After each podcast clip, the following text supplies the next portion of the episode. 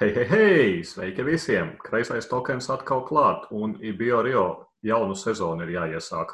Es esmu Toms. Es esmu Kristofers. Sveiciens vērša gadā visiem. Jā, nu, mēs patiešām esam izturējuši veselu gadu. Bet, nu, kas ir vēl apsveicamāk, krietnam saistītam klausītājam ir izdevies pieciest mūsu. Ko tu par to domā, Kristof?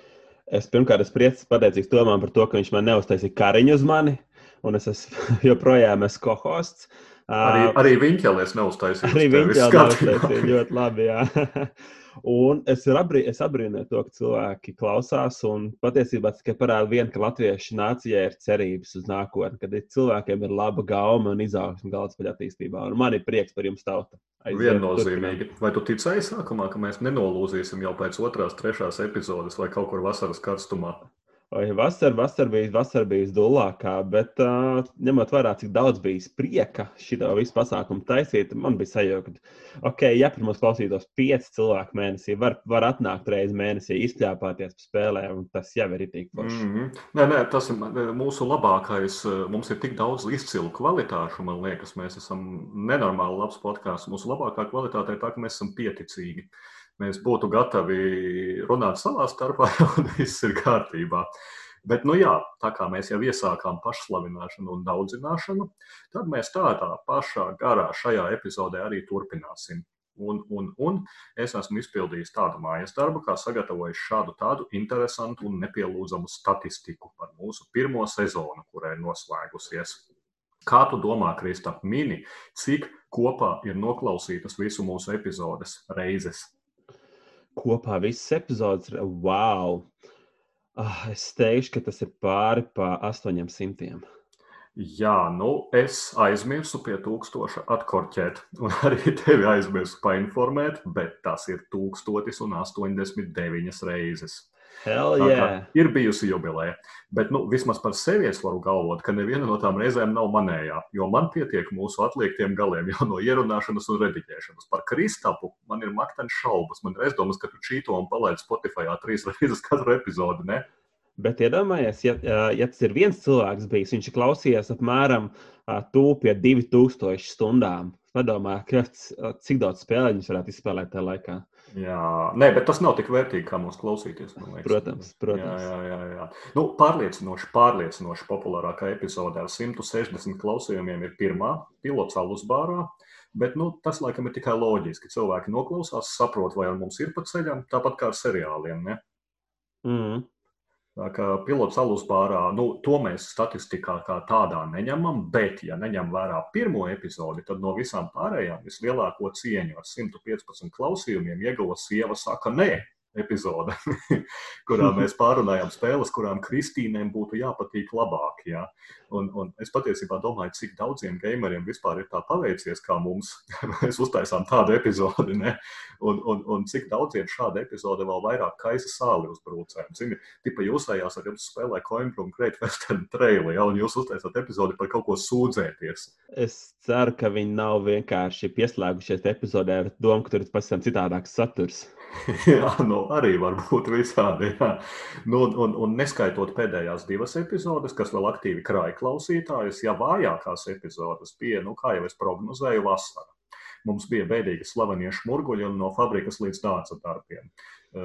Pēdējā no tām bija tops par strādnieku izvietošanu, un pirmajā no tām mēs apskatījām spēles, kur ir iespēja visiem kārtīgi sariept. Un iespējams, tikai iespējams, ka maijs ar vispārējo karantīnu un ierobežojumiem nebija baigi labs brīdis ļaunajai epizodē. Ne? Jā. Jā, žēl par šo epizodēm, jo tas ir reāli foršs epizods ar ļoti interesantiem topiem. Tā kā to var droši klausīties priekšā. Noteikti ir vērts atgriezties tieši tam ļaunā epizode par bēdīgi slāniem šmurguļiem, jā, joprojām aktuāli, jo neviens nevar nevienu citu satikties un sariept. Bet, nu, būs. Ticiet man, pienāks tas laiks, ja agrāk vai vēlāk mēs atkal varēsim satikties, lai viens otram spēlēs sariept. Tā kā jā, nu, lai klausītāji saprastu, mēs neesam ar pliku roku ņēmami, mēs ievācam visus jūsu personas datus. Un mums ir pilnīgi vienalga, un neviens GDPR mūs pie rīklas nepaņems. Tāpēc es esmu sagatavojis demogrāfiski, nacionāli antropoloģisko analīzi. Un tikmēr klausītāji var domāt, kādā veidā es tos viņu datus dabūju. Ja? Un, uh, sāksim ar skumjāko. Bet es nenoliekšu, ka tā ir caurumu cauri Kristapa vaina. Noteikti. Mums iet ļoti švaki ar daļo dzimumu.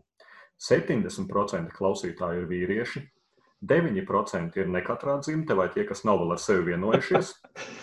Un tikai 21% mūsu klausītāju ir meitenes. Kristap, kā tu vari sevi attaisnot šajā sakarā? Es vienkārši lūdzu atdošanu. Man, jā, nu, tas ir vāji, vai ne? Varbūt, ka, varbūt, ka tev nevajadzētu vairs teikt, tad, kad tu apraksti spēli par kleitām, ka tā ir meiteņu tēma, vai, vai tieši vajadzētu. Es nezinu, es nezinu. Man liekas, ka mēs esam bezcerīgi. Jo nu, nometnēs ir pilns meiteņu. Ja? Nu, Latvijā nu, tad vispār bija nometnes un tā, ja? bet, bet, bet klausās mūs tikai džeki praktiski. Ja? Nu, jā, kā saka, nezinu, vai mēs varam laboties. Ja? Tad jau redzēs. Bet nu, es saku, visas bumbas ir Kristapa pusē. Es, es jūtos, ka tās, kas nāk klausīties, mani noteikti nāk klausīties. Tur nav variantu. Runājot par geogrāfiskajām lokācijām, pārsteigumu nav. 89% mūsu klausītāji ir no Latvijas, Mm -hmm. Un neizskaidrojami 11% ir no Amerikas. nu, man liekas, tie ir pēcdienesti vai boti, ja, jo mēs simts punkti pieminam Trumpu vai BLM vai kaut ko. Jā, jā, jā.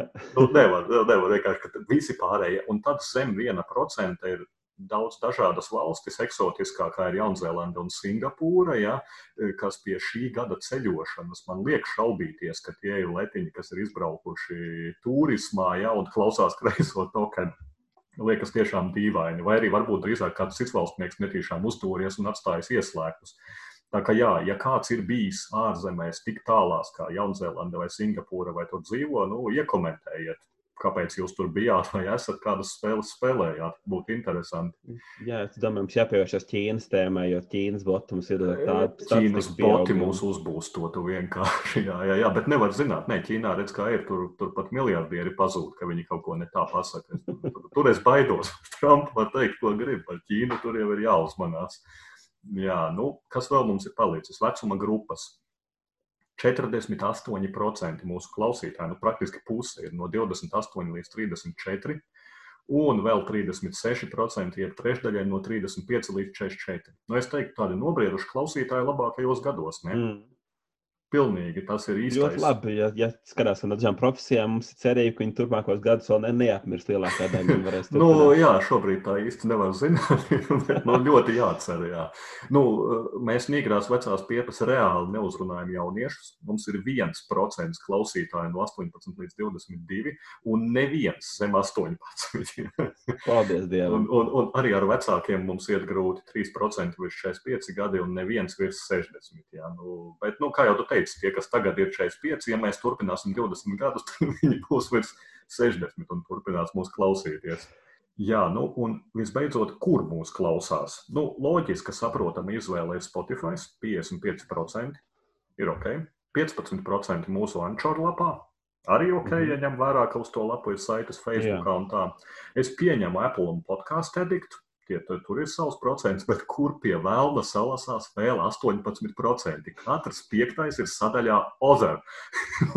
Man nāk tāda jūšana, ka Kristaps kaut kur stāja par riņķī flash, kas ar ierakstiem izmētā autovas, tās rimī iepirkuma groziņos kaut kur iestum metāļa kabatās. Ja, tad, yeah, yeah. Nu, kaut kam ir jābūt. Man vienmēr statistikā fascinē tā Azera sadaļa, kas parasti ir otrajā vai trešajā vietā. Piemēram, tā kā bija stats programma, ja, kur tu savēlies, kur tu esi spēlējis spēles, tur 40% mājās, 10% vienos ciemos, 10% mm. otros ciemos, un tad ir freaking 40% citur. es tik daudz vietās vispār bijis, neesmu, kur nu vēl spēlējis spēles. Tā kā jā, ja, tie, tie, kas mūs klausās kaut kur citur, kā Spotify, Ankorā, nu, iekomentējiet arī, kurā vietā jūs mūs esat izvēlējušies. Kur vēl var klausīties podkāstu? Kur mūs var klausīties? Jā, man rīktīgi interesē, kur kreisais tokens eksistē. Jā. Jā, nu, jā, tas bija mans mājas darbs. Es ļoti ceru, ka šodien man neko vairs darīt neliks. Es vairs nekam neesmu gatavojies. Ok, bet pastāstīšu man arī par Facebook un sociālo tīklu statistiku. Un... Principā diezgan solīti, jo katru mēnesi tas mūsu ieraksts kopā plus mīnus apskatās, uh, viņus sasniedz 500 cilvēku. Un sasniedz ir angļu saucamais vārds reach, kas nozīmē, ka tu skaties, skroļot, tad tur ir gaismas tīmeklis, apakšā padot kurpes, tur ir kreisais tokens, tu pārskroļo tam pāri. 500 cilvēku mašīnā pārskroļo. Bet kaut ko uzspiež, kaut ko bišķi pabaks, ir apmēram 130 cilvēki. Reiz mēnesī kaut ko paskatās vairāk, vai uzmet acis, vai uzspiež bildītas. Kas ir forši? Tā kā sociālās tīklos paskatās vairāk nekā citreiz pat vidēji klausās. Bet tur arī visādas aktivitātes. Un Facebook lapā mums seko 54 cilvēki. Un tur es varēju arī smuku statistiku savilkt. Es tik daudz neiedziļināšos, kā ar tā demogrāfiju, jo vairāk vai mazāk tā demogrāfija ir tieši tāda paša, kā Toms jau nosauca. Bet tā kā mums ir arī otrā lieta, kas ir Instagram, un Instagram ir rīktīgi skabari pakaļā, jo uh, tur nav normāls statistikas, un patiesībā smieklīgs stāsts. Uh, ko viens tas smieklīgs jokiem, ko Toms šogad ir izstāstījis. Viņa pārsvarā tie joki diezgan lēmi, bet šis diezgan smieklīgs. Uh, un tas stāsts ir, kad es, uh, mēs sākām to uh, vadīt Instagram kontu un likt iekšā dažādu informāciju, un es saku, bāc, kāpēc viņam nav de desktop versija datoram? Un tad Toms man paldies Dievam izskaidro. Viņš, te, viņš man iedod tādu vizualizāciju, iedomājies, Kristap, kā tas būtu, ja Tad, dažkārt ar, ar laptopu mēģināt ar dibenu bildēt, vai ne? Un, nu, nu, ir, ir, tāpēc viņam tikai mobilā versija, un tur nekāds tāds tik baigi nezinu. Bet tur ir divas foršas lietas. Es zinu, ka mums kopā ir 50 cilvēki, kas seko. Es gan nezinu, varbūt no žēluma. Ja Facebookā mēs nevienam nesakojam, Instagramā mēs sakojam 52 cilvēkiem. Dažiem jāatzīst vienkārši tāpēc, ka man nav sev Instagram konta. Saka, oh, šito es pazīstu. Ko tu dari sekošanu, izmantojot kreisā tokenu tokenu fondu, tad viņi brīnās, kāpēc, kad uh, dzimšanas dienas svecītēs, svecītes viņus nuspūtuši, kāpēc tur kreisais tokens ir ielicis laiku. Nu, lūk, jā, jā, bet... nē, viss ok. Jā, no, jāizmanto Instagram konts, es jau savējo taču netaisīju. Kreisā tokena tons ir īstais. Bet mums ir ļoti divi ļoti prominenti sekotāji Instagramā. Pirmais ir uh, absolūti gan nevienam, visticamāk, tikai man zināms uh, galdspēļu YouTubers, un tas ir Chairman of the Board kas stāsta pārsvarā par visādiem eiro spēlēm. Nezinu, to es dzirdēju par šo džeku. Pirmo reizi dzirdu šo prominento YouTuberu. Prominentais YouTuberis, ko zina tikai Kristaps. Bet viņam forši video klips Chairman of the Board, kad es paskatījos, interesants YouTuberis. Un otrs sekotājs ir, es domāju, ka tas ir mūsu nākošais sponsors vai sadarbības partners, un tas ir sekotājs savu nosaukumu laimes tablete. Un Toms var mēģināt uzminēt, ko viņš nodarbojas. Bet Latvijas laimes tablete. Laimes tablete, jā, viņš viņam tur uzzīmēt, bildīt ir tiešām tablete, kur rakstīts virsū laimes tablete. Un, Tas, tas, tas nevarētu būt Memory Waterjacka projekts kaut kādā izklausās. Ļoti iespējams, ka tas ir pozitīvo pārmaiņu portāls. Un es gaidu, ka kādā brīdī mums Instagram iemanāk, viņš būs gan daudz sastrēguši, tur tam sāks parādīties kaut kas pret 5G vai ko tam līdzīgu. nē, nē, ir ļoti ok. nu, no Instagrama jāatzīst, ka man ļoti uh, vienu brīdi neatceros, vai es podrēdē to minēju, bet vai, vai, vai tikai Kristapam, bet man ļoti fascinēja, ka apmēram uz nedēļu mums sekoja Krievijas vēstniecības oficiālais konts Latvijā.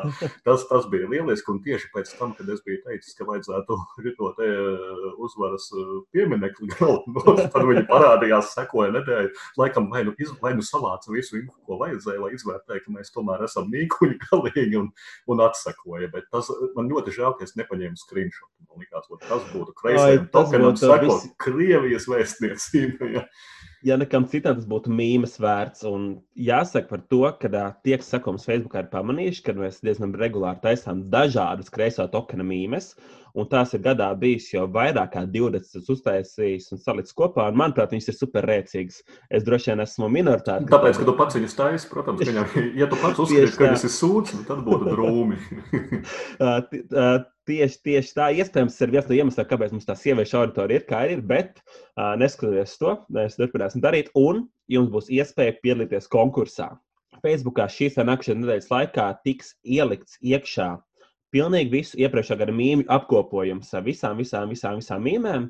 Kad būs ielikts un viss, kas jums jāizdala, piedalās konkursā, jums būs jāuzliek savi laiki un ideāli komentāri, kāpēc uz tām mīmēm, kas jums liekas visforšākās. Vienkārši laiks, mēs neesam no tiem konkursiem, kuriem obligāti būs jāšēro un jākonās visu nē, priekšā. Es ciest nevaru. Tas es arī nevaru ciest. Jā. Vienkārši laiks, bet ir otrs noteikums tāds, ka, ja jūs gribat vinnēt, jums ir jābūt arī kreisā tokena Facebook konta sekotājiem, lai mēs varam savējiem uzdāvināt vēl vienu alus kausu. Tā kā jā, ielieciet, būs apkopojums visām mīmēm, būs galerija, ielieciet laiku tām vai tā, kas jums patīk, lai mēs zinām, kas foršākā ir. Un pēc kāda laiciņa būs uh, absolūti stilīga balva. Unikāls, tas ir kanālskās. Galvenais, lai Facebook atkal tevi neuzmet. Izrādās, ka nevar uztaisīt tādu. Es ceru, ka tas pārbaudīs. Jo balsojumu mēs sasolījām riktīgi un, un figūrki jums. Nu. Tā, Bet jā. tas bija labi, jo bija krietni detalizētāk atgriezās saite. Visi tur būtu sabalsojuši figņas, mīņas, un mēs arī neko nesaprastu. Nu, ej, tas zina, jā. Bet labi, nu, tā bija mūsu pus, pas, pus pašlavināšanas, pus pašironijas segments, jā, bet es domāju, ka otrajā sezonā mums būs šādas tādas izmaiņas. Ja? Bet, bet viena lieta, kas nemainās, ir tā, ka gan es, gan Kristaps, mēs joprojām spēlējam spēles. Un es ceru, ka tas ir viens no galvenajiem iemesliem, kāpēc mēs šeit esam un arī kāds mūs klausās. Tāpēc segments svaigs un gards paliek joprojām super aktuāls. Un, un, un es domāju, ka es ķeršos uzreiz pie lietas, kas man ir bijis svaigs un gards pēdējā laikā. Um, ir spēlē, par kuru ir izrādījuši arī interesi mūsu sekotāji, eh, Red Outpost. Tā ir spēle ar eh, fascinējošu tēmu - komunistu paradīzes būvniecība uz attālas planētas. Uh, ja nekļūdos, tad šī Space Race laikā ir izsūtīts uh, no PSRS kosmosa kuģis apdzīvot attālas planētas. Ja tad tas ir avarējis, un viņi joprojām mūsdienās tur dzīvo un būvē komunistu paradīzi, nezinot, ka īstā bāzes paradīze piešķiņa ir mēslos. Ja? Un, eh, kas tad mums ar šo te spēli tiek piedāvāts? Tas bija Kickstarter eh, un eh, ar diezgan sakarīgu cenu. Es teiktu, kaut kur 30, ap, ap 30 cenu, varbūt nedaudz lielāka. Deluxe izdevums laikam skaitījās, nu, cik viņš ir deluxe, bet nu, zem 40, kas nu, Kickstarter mūsdienās kaut kas absolūti unreāls. Un tad, kad es to saņēmu, kaste bija daudz mazāka, kā šķita, ka būs. Jo jāatzīst, ka šīs spēles grafiskais noformējums nedaudz atgādina saitu. Arī Kristaps to ir piefiksējis. Ja, un, un, un, um, Es arī tā kā par saitu, es jau biju atslēdzos. Jā, jā, bet tu varētu, zin kā, tu pasties bildi, un es domāju, ka es par saitu varētu vēlreiz pastāstīt, jā. Bet uh, tas liek domāt, ka arī kaste būs lielāka, bet nē, kaste ir maziņa, nu, kas izskaidro spēles relatīvi zemo cenu. Nu, ne maziņa, bet nu, tā, tā, tāda mazāka kā šķiet. Runājot par grafisko noformējumu, manis jau nu, pieminēto, tas ir izcils. Cepuri nost. Ir izmantots karikatūru plakātu stils no padomju laikiem. Tie, kas ir redzējuši šos plakātus, tie var iztēloties. Ja, tur dažādi ir bijuši no ēdnīcām un tā tālāk. Ja. No pirmā acu uzmetiena var šķist, ka tas ir saita grafiskā noformējuma wannabe, bet nu, tas ir, ja paviešu uzmetāts. Nu, es teiktu, ka abām spēlēm ir ļoti maz kopīga, un arī šis grafiskais noformējums patiesībā nav pat tik tuvs, kā pēc vāka izskatās. Mēs esam spēlējuši tikai divatā pagaidām, un, un, un savās rotaļās neiesaistījām pagaidām spēlētāju speciālās spējas, tā ka spēlē ir potenciāls rezervē, tur ir speciālās spējas. E, es nezinu, vai šis nebūs no tiem kickstarteriem, kurš nekļūs pieejams tirdzniecībā. Līdz ar to pēc gada neviens viņu vairs neatcerēsies. Ar daudziem kickstarteriem tā ir noticis, un man ir aizdoma, ka šo arī notiks līdzīgi, jo es neesmu nekur redzējis, ka tas ienāktu tirdzniecībā. Ja? Attiecīgi nebūs jauni apskati un tā tālāk.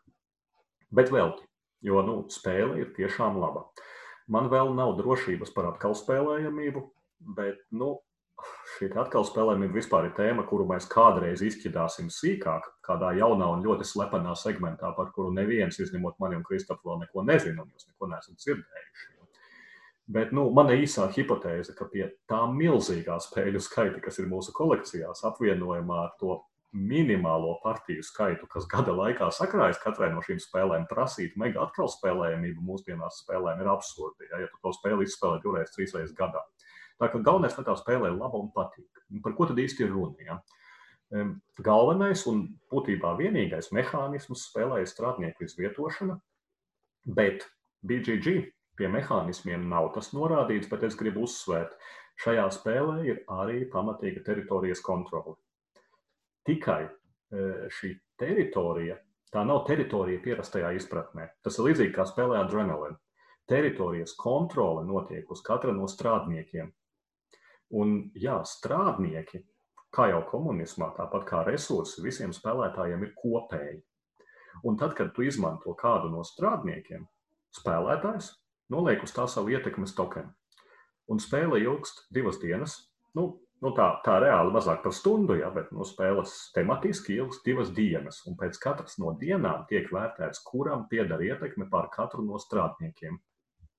Un eh, šī ietekme nevienmēr nozīmē labu. Jo nelaimīgs strādnieks savam saimniekam liek zaudēt punktus. Un es tikko sapratu, ka, jā, nu, vēl nāciet un izdzeriet manu alu, ja, jo es teicu, ka nav līdzība ar saitu. nu, jā, tāpat kā saits, kā es saku, ir uh, agrikultūras farmīga spēle par, par popularitāti. nu, arī reda atbalstā punktu skaitīšanā, tas ir noteicošais elements popularitāte. Ja. Nu, respektīvi, vai tavs strādnieks, kur, kur, uz kuru tev ir ietekme, ir laimīgs, tad tu arī dabū punktus. Kas vēl? Tie strādnieki ir atšķirīgi. Nu, saka, katram no viņiem ir iekšā sava dvēsele. Katram ir sava darba vieta, uz kuru viņam patīk iet. Nu, tāpat kā mums visiem. Un gandrīz visiem strādniekiem patīk iet uz krogu. Izņemot nabaga pārtorgu, kuram galvā ir sirds mats par katru citu strādnieku, kurš aiziet uz krogu. Ja, jo, nu, loģiski, viņš, viņam ir jāorganizē darbi, ja, bet visi iet uz krogu un visi strādā. Ja, un tad viņš kļūst no tā šausmīgi nelaimīgs. E, tematiskās nianses nav super dziļas, bet, manuprāt, ir amizantas. Un ir redzams, ka pie spēles ir strādājuši cilvēki, kas nav uz jūsu ar padomi laika režīmu un dzīves stilu. Ja? Nu, tur, tur arī pēc to grafiskā noformējuma var redzēt, tur viens otrs tāds nošņocis šņabdaguns, ja? tur zvejnieks vai gans un tā, nu, ir, ir, ir tiešām piestrādāts. Nu, jā, un, un kā jūs minējāt, es nezinu, cik plaši šī spēle būs pieejama. Tāpēc droši tad, kad atsāksies dzīve, ja atsāksies, ķeriet mani pie rokas, ar prieku nodemonstrēšu, iemācīšu. Vai ir tā vērts šajā gadījumā, es nevaru apgalvot, jo es redzu vairākus iemeslus, kāpēc ne visiem varētu šī spēle patikt. Bet garlaicīgi noteikti nebūs. Lau. Tas bija Red Outpost. Jā. Pirmkārt, nepateici gana daudz sliktu par Padomju Savienību, saka, piesakotos vēstniecība. Uh, es mazliet vīries, es ļoti kodam reāli. Jā, bet tā realitāte, tā viena lieta, kas man nesalikās kopā. Es arī izgāju cauri Kickstarteriem un paskatījos, un viņi izskatās interesanti. Uh, lai gan man izskatās tāds, man uzreiz tāds pirmā lecienā nav nekas tāds, kas viņus reiz tā nosalot. Bet tas ok, tā, tā ir bieži, un tāpēc, ja mēs skatāmies dziļāk, bet tas, ko es nesapratu, teiks, ka tas ir par kosmosa uh, race periodu, vai ne? Uh, Un tad tu saki, tas notiek divās dienās. Kā tas uh, strādā? Nē, nē, tā ideja, nē, tas nav par Space Race periodu. Tas ir par e, komunistu partijas šūniņu, kas Space Race periodā ir aizceļojuši tik tālu, ka viņu kuģis ir avarējis uz citas planētas, un tur viņi tagad dzīvo. Mm. Mēs varam izdzīvot divas dienas viņu dzīvēm. Un, un, un eh, viņu, ko viņi dara savā dzīvē? Viņi iet makšķerēt, viņi iet vandīties pa savu veco kosmosa kuģi, mēģinot eh, atrast kaut ko, kas tur vēl ir derīgs. Viņi iet uz krogu dzert, viņi iet viens otru nosūdzēt pie uh, valdībniekiem. Ja? Tur sakot, re, kur mans kaimiņš ir baigais šmurgulis, viņš slēpj resursus partijas. Ja? Un viņi iet būvēt uh, komunisma pilnu. Tātad, un, un mēs skatāmies divas dienas, kā tas viss notiek. Ja mēs sūtām strādniekus uz vienu vietu, uz otru, ja e, ražojam šos kopējos resursus angārā, vai arī ejam tos kopējos resursus no angāras kluso nofenderēt un, un aizstiept mājās un pārdot. Ja, nu, tāds, tāds ļoti komunismu ideāls pārpilna aina. Ok, tad pa lielam Sibīrijā tikai tā vietā, lai viņi iet pie Duņa, kas viņi ir pie Zoidberga. Jā, nu kaut kā tā. Apmēram mm. tā. Man izklausās interesanti. Es noteikti labprāt būtu viens no tiem cilvēkiem, kas ir rindā, kas to izmēģinātu. Ir tā vērts, jo tā spēle ir īsa diezgan. Nu, vismaz divatā tā spēle noteikti ir stabila zem stundas. Jo tieši tā šīs divas dienas nozīmē hop, hop, hop, izliekam strādniekus no rīta, tad ir pusdienlaiks, hop, hop, hop, izliekam vakarā. Mm -hmm. Pa vidu diena, dienai divas daļas, un, un, un, un, un, un otru dienu spēle beidzās. Jā, viennozīmīgi neordināra tēma, un tas vien tā vērts. Jā, nu ko tu labais izspēlēji? Okay, es spēlēju kaut ko super drūmu, un es spēlēju Escape Tales The Awakening. Un jā, ir divi lielie escape spēļu, jeb izlaušanās spēļu kastītēs, jaudīgie zīmoli. Tu droši vien mēs visi zinām, tas ir Exits un Unlocks. Un, jā, un tad ir viss pārējie, kas ir vai absolūti draņķīgi, vai labākajā gadījumā viduvēji, kas es daudz ko mēģināju, un man neviens tas nav patiks. Bet līdz šim brīdim. Jo tagad ir parādījies šis, kas ir Escape Tales Awakening. Un Escape Tales, tāpēc kā Exits un Unlocks ir, dažā, ir sērija, un viņam jau ir dažāds. Ir par dāmītu nākotnē un par druīdu meža nemaldos. Es esmu izspēlējis tikai vienu. Mans arī vērtīgs būs no šīs vienas, vienas spēles, bet tā partija bija gana, gana ilga. Un jā, un tā ir izlaušanās tipa spēle. Bet viņi atšķirās ar to, ka uh, tā spēlē ir ļoti izteikts stāsta motīvs, un escape tēls ir par tēvu, kuram meita ir komā, un pamazām viņas dzīve vienkārši izgājusi. Viņa vienkārši aizplauka projām. Un tāpēc viņš dara to, ko darīja jebkurš tēvs. Viņš veic sātanisku rituālu, kas varētu šo meiteni izglābt. Protams. Protams. Protams. Loģiski, pirmā lieta, ko tu meklēsi. Nu, jā, ja ir komā, tad ar to ir pat jāsāk. Nav pat jāiet uz slimnīcu, jo slimnīcā var dabūt covid. Ir jā. uzreiz jāsāk, jāsāk sataniskais rituāls. Vēl viens gaismas tīmekļa lietotājs. Okay. Jā, un šis escape rooms atšķirās no tā, escape rooms tips spēles ar to, ka viņi ir ļoti tematiski. Viņi ir milzīgi, nosacījumi milzīgi, teikt, ka divas lapas puses grāmata, daudz smalkā drukā ar dažādiem notikumiem, kas seko līdzi katrai darbībai.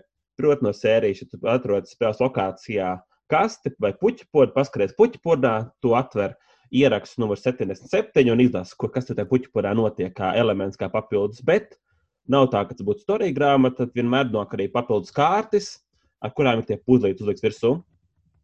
Un tas ir uh, liels pluss, jo atšķirībā no citām uh, izlaišanās tipu spēlēm, šeit ir ļoti labs un interesants stāsts.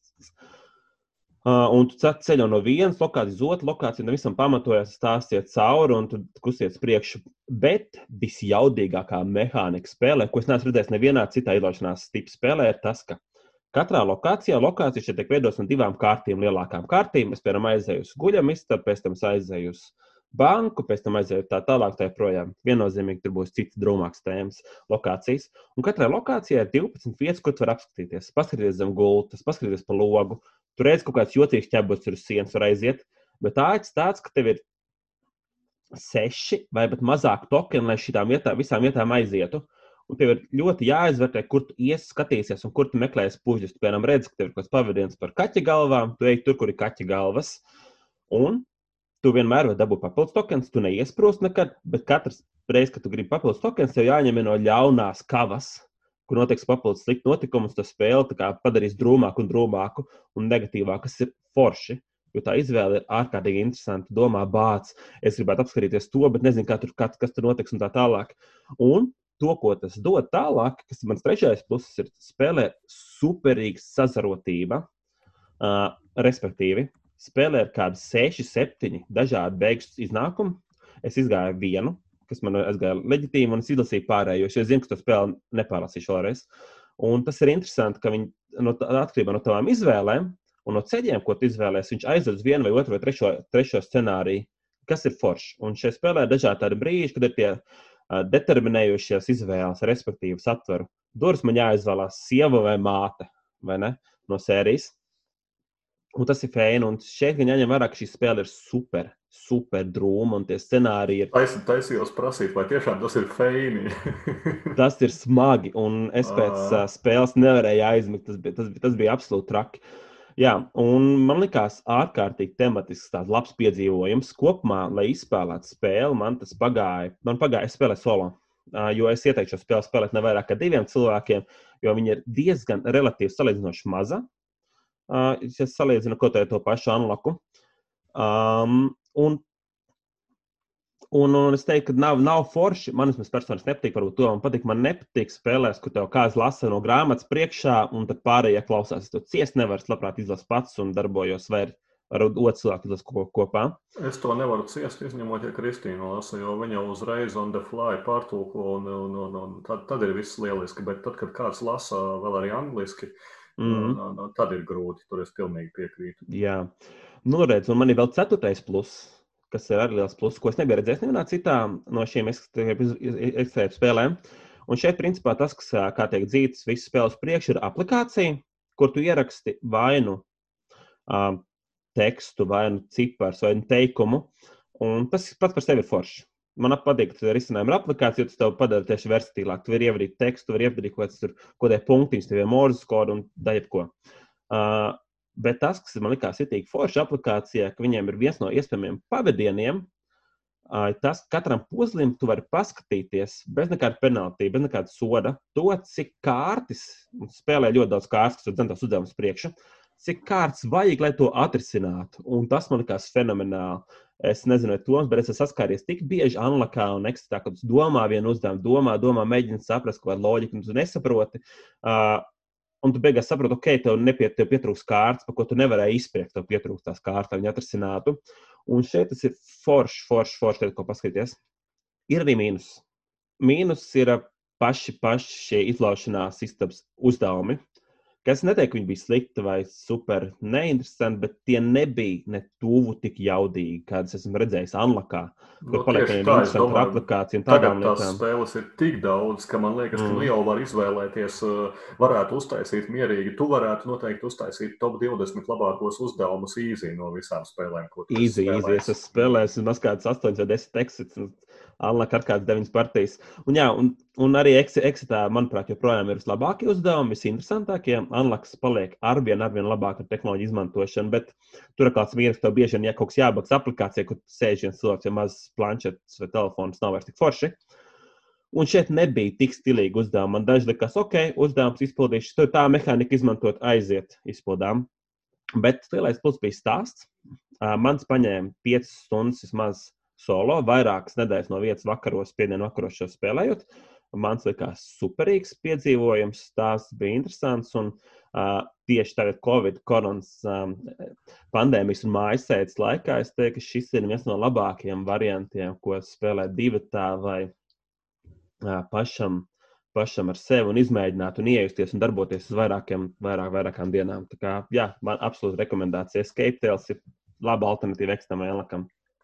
Vai Covidam, jā. Mm. Zini Kā, es nezinu, man liekas, ka ja vajag vēl drūmumu, un tad var spēlēt skeptiski. Bet pēdējā laikā tās drūmās tēmas ir rīktīgi populāras. Tas pats uh, mirstošais večuks, jā, kā viņu tur sauc, uh, tas, kurš guļ gultā, Life and Death of Billy. Vai, Jā. jā, tas, un tad Escape Tale viņi jau vairāk. Jā. Un Etherfields. Nu, tas, es neteiktu, tas, ir stand, tas jau ir standarts, tentat greili, visi šādi, bet, bet, bet tieši es domāju par slimībām un, un, un komām un tādi, nu, paliek populārāki. Nu, acīm redzot, ir pieprasījums. Man, man, man personīgi nu, nav, nu, nesaista, jā. Bet, bet, bet, bet tas par to unikalitāti es gribētu apšaubīt, jo šis te tava lokācija izmeklēšana, ko tu aprakstīji unikāli, nu, man ļoti atgādina time stories, jo time stories tieši tāpat tev ir laiks un tev ir jāizvēlas, ko tu paspēsi izdarīt. Vai tu iesi uz vienu lokāciju vai uz otru, vai tu tajā lokācijā kasīsies vai beigsi prom. Ja? Mm -hmm. Tā kā, nu, nezinu, nu, time stories izklausās ļoti līdzīgi. Kas, ir- kas šajā escape tēlā bija savādāks? Tas, kas ir savādāk, šeit ir tas, manuprāt, aspekts, kad te tavas izvēles ā, nozīmē kaut ko. Jo time storijā tu pārsties pāri vēlreiz. Tu nofēloji, nofēloties vēlreiz. Šeit, ja es nofēloju, man Ok, meitene nepasaka jā. no komas. Tas ir Sapratu. tas, kas ir tā Mm, forša atšķirība. Mm. Nu, jā, nē, nu tad, jā, tad tam ir nozīme. Un vēl kas man likās, tu saki, ka tā, ka tā grāmata 20 LPP ar stāstiem, viņa ir labi norganizēta. Man, teiksim, kas man visvairāk nepatīk, daudz, nu, daudzas šāda tipa grāmatās, ka tu vienkārši netīšām noredzi uz augšu, uz leju. Un man liekas, ka šeit labāk pat tajā pašā aplikācijā viņi varēja integrēt, vai, vai, vai grāmata strādā ok. Man strādāja ok, bet nu, man nav baigā problēma ar noredzēšanu kā tādu. Un tur nebija tā, no tādas milzīgās kļūdas, ka, piemēram, grāmatā tur redz, tur var bildīt, ka parādās šis, šis tēls ir atnācis, tev saticis, tad pacēl to kārti. Un viņa bija diezgan tādiem neitrāliem tekstiem. Tā grāmata izskatās tāds liels tās dokuments, atvērts ar tabuliņām. Tu vienkārši atrod uz savu punktu, ātri varēja norientēties, kurš ir, piemēram, Idas entry 17. Tas būs sākumā Idas entry ā, 140, tas būs jau krietni tālāk. Un man liekas, salīdzinoši bija ok. Mm. Nu, jā, nu, katrā gadījumā šobrīd, šī brīža situācijā, kad solo spēlēšana daudziem varētu būt aktuāla, es domāju, ka labs, labs variants. Mm. Kam tēma saista varētu būt rīktīgi interesanti. Un, un, Jā. un dažādība no pierastajiem exitiem, unlockiem, dexkapiem un tā tālāk. Jā, es iesaku tiem, kam patīk Unlocks vai Exits, noteikti pamēģināt arī šo kaut vai tikai dažādībā. Jūs ar draugiem spēlējat, vai ar otru pusi spēlējat katru jaunu exitu, kā ko ar es, tad iespējams ir vērts pamēģināt arī Escape Tales. Kur Noteikti. cenā tas ierindojas? O, ja nemaldos, viņš bija pie 28 eiro. Tas Nu, ir tā tad piecām stundām dārgāk, ok. jā, vai ne? Mazliet dārgāks. ā, Exitus var dabūt vienu otru pa 15. Jā, Tā Exits kā- maksā 15, bet šo es varu dot uz priekšu, kas ir atkal pluss. Kā Nu nu, tāds, jā, salīdzinot ar Exits laiks ir ieguldīts, un spēlēšanas laiks ir, jā, ir vismaz divreiz ilgāks. Jā, es pat teiktu, trīsreiz ilgāks. Tā kā, Nu nu, tu jā. tā, Mm. Uh, nosacīti. Un es savu kopiju noteikti likšu metrēdā, kas janvārī plānojas. Sākam reklamēties. Jā, jā, jā. jā, jā, jā tā kā, jā. Tāpēc man bija ļoti svarīgi šajā podkāstā pastāstīt. Jā, no. Maina par Twilight Imperium. Jā, nē, pret Twilight Imperium nav jēgas. To tu, atšķirībā no Escape Tēliem, tu nekad mūžā viņu neizspēlē. Īpaši šajos apstākļos. Tad, tad tev būtu plauktā liela mantējā. Bet, jā, starp citu, runājot par mantām, aizmirsu ievadā pastāstīt, Kristap, ko, ko tu darītu, ja tev būtu par daudz spēļu? Es šobrīd no manas nesen bija dzimšanas dienas sadāvinātajām naudām plānoju iegādāties jaunu plauktu. Šobrīd man, mana domāšana ir īstermiņā. Tev ir vieta. Man ir, man ir lauki. Ah, ok, laukos noliksi plauktu. Jā, jā, jā. jā, jā, jā. Nē, man ir, man ir pie reizes arī dzīvē tāds jaunums. Man bija tik daudz spēļu, ka man nācās iegādāties jaunu noliktavu visām tām spēlēm. Mm. Kurien es arī esmu pacēlies dzīvot, ja, tāpēc man šodien nav normālais mikrofons, un es ceru, ka klausītāji mani dzirdēs nu, kaut uz pusi tikpat normāli, kā izcilais Erika Samerera balss pa īsto mikrofonu. Ja. Un, un, un, un man ir sūdīgs internets un tā tālāk, ja, bet, bet, bet viss ir kārtībā viss ir štokos. Galvenais, ka man tagad ir liela, jauna noliktava spēlē. tagad es varu atkal izvērsties. Vienīgā problēma, ko droši vien visi saprot, ka tad, kad tu nopērci tādu kārtīgu lielu noliktavu, tad, tad, tad gadās, ka ir jāierobežo citi tēriņi. Ja? Tā kā jā. redzēsim, jā, redzēsim, tad, kad atsāksies viss, es taisni taisījos aicināt, tad, kad mēs atsāksim kaut ko spēlēt. Ja es saprotu, mēs esam nereāls slavenības, bet nekautrēties, nākt klāt, sakiet, tev klausies, to man liekas, ka tev reāli vajadzētu izmēģināt šo jauno spēli. Ja?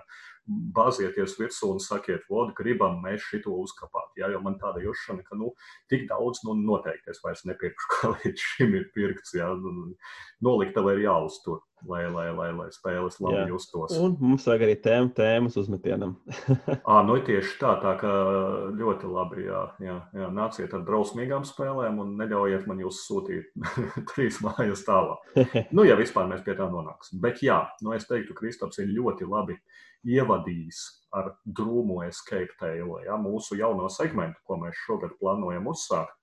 Nav tā, ka vecie segmenti pazudīs, ja viss ir kārtībā, viss mums te rotēs un tā tālāk, bet nu, šogad mēs esam jau uz pagājušā gada beigu toņiem nedaudz izņēmuši, ka mēs varētu uzsākt jaunu segmentu kreisais pa nopietnu, kurā mēs nu, vairāk vai mazāk kādu brīdi pa nopietnu parunājam par dažādām ar spēlēm saistītām tēmām. Jā, bet nevis par pašām spēlēm, bet tieši par un ap. Nu, un, un, un pirmkārt, šodien man te, Kristop, ir jautājums. Tu droši vien daudz, daudz patērē dažādu mēdīju saturu par un ap galda spēlēm, vai ne? Atzīšos, jā. Varbūt pat vairāk kā, kā spēlē, vai ne?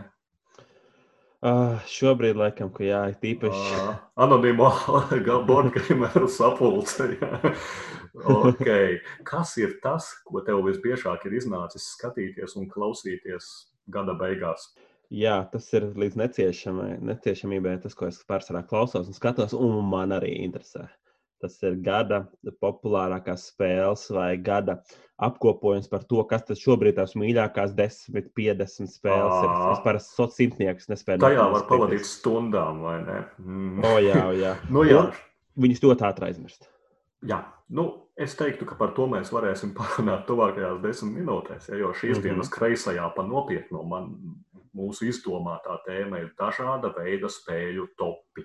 Kāda un vai tiem vispār ir jēga? un, un, un, un tas mans jautājums, kāda vispār ir jēga topiem? Ja? Nu, viens apskatnieks uztaisa gada topu, otrs uztaisa. Divas spēles sakrīt. Bišķi ieķērās Kristofam atmiņā. Ja? Mm. Vēl kāds uztaisa. Tas vēl kāds ir izvilcis visādas dīvainas spēles, kuras pat atmiņā neaizķeras, un to viņas pat neaizēja apstīties Boardgame geekā. Beigās tu esi noskatījis 11 dažādus gada topus. Nu, un ko tālāk?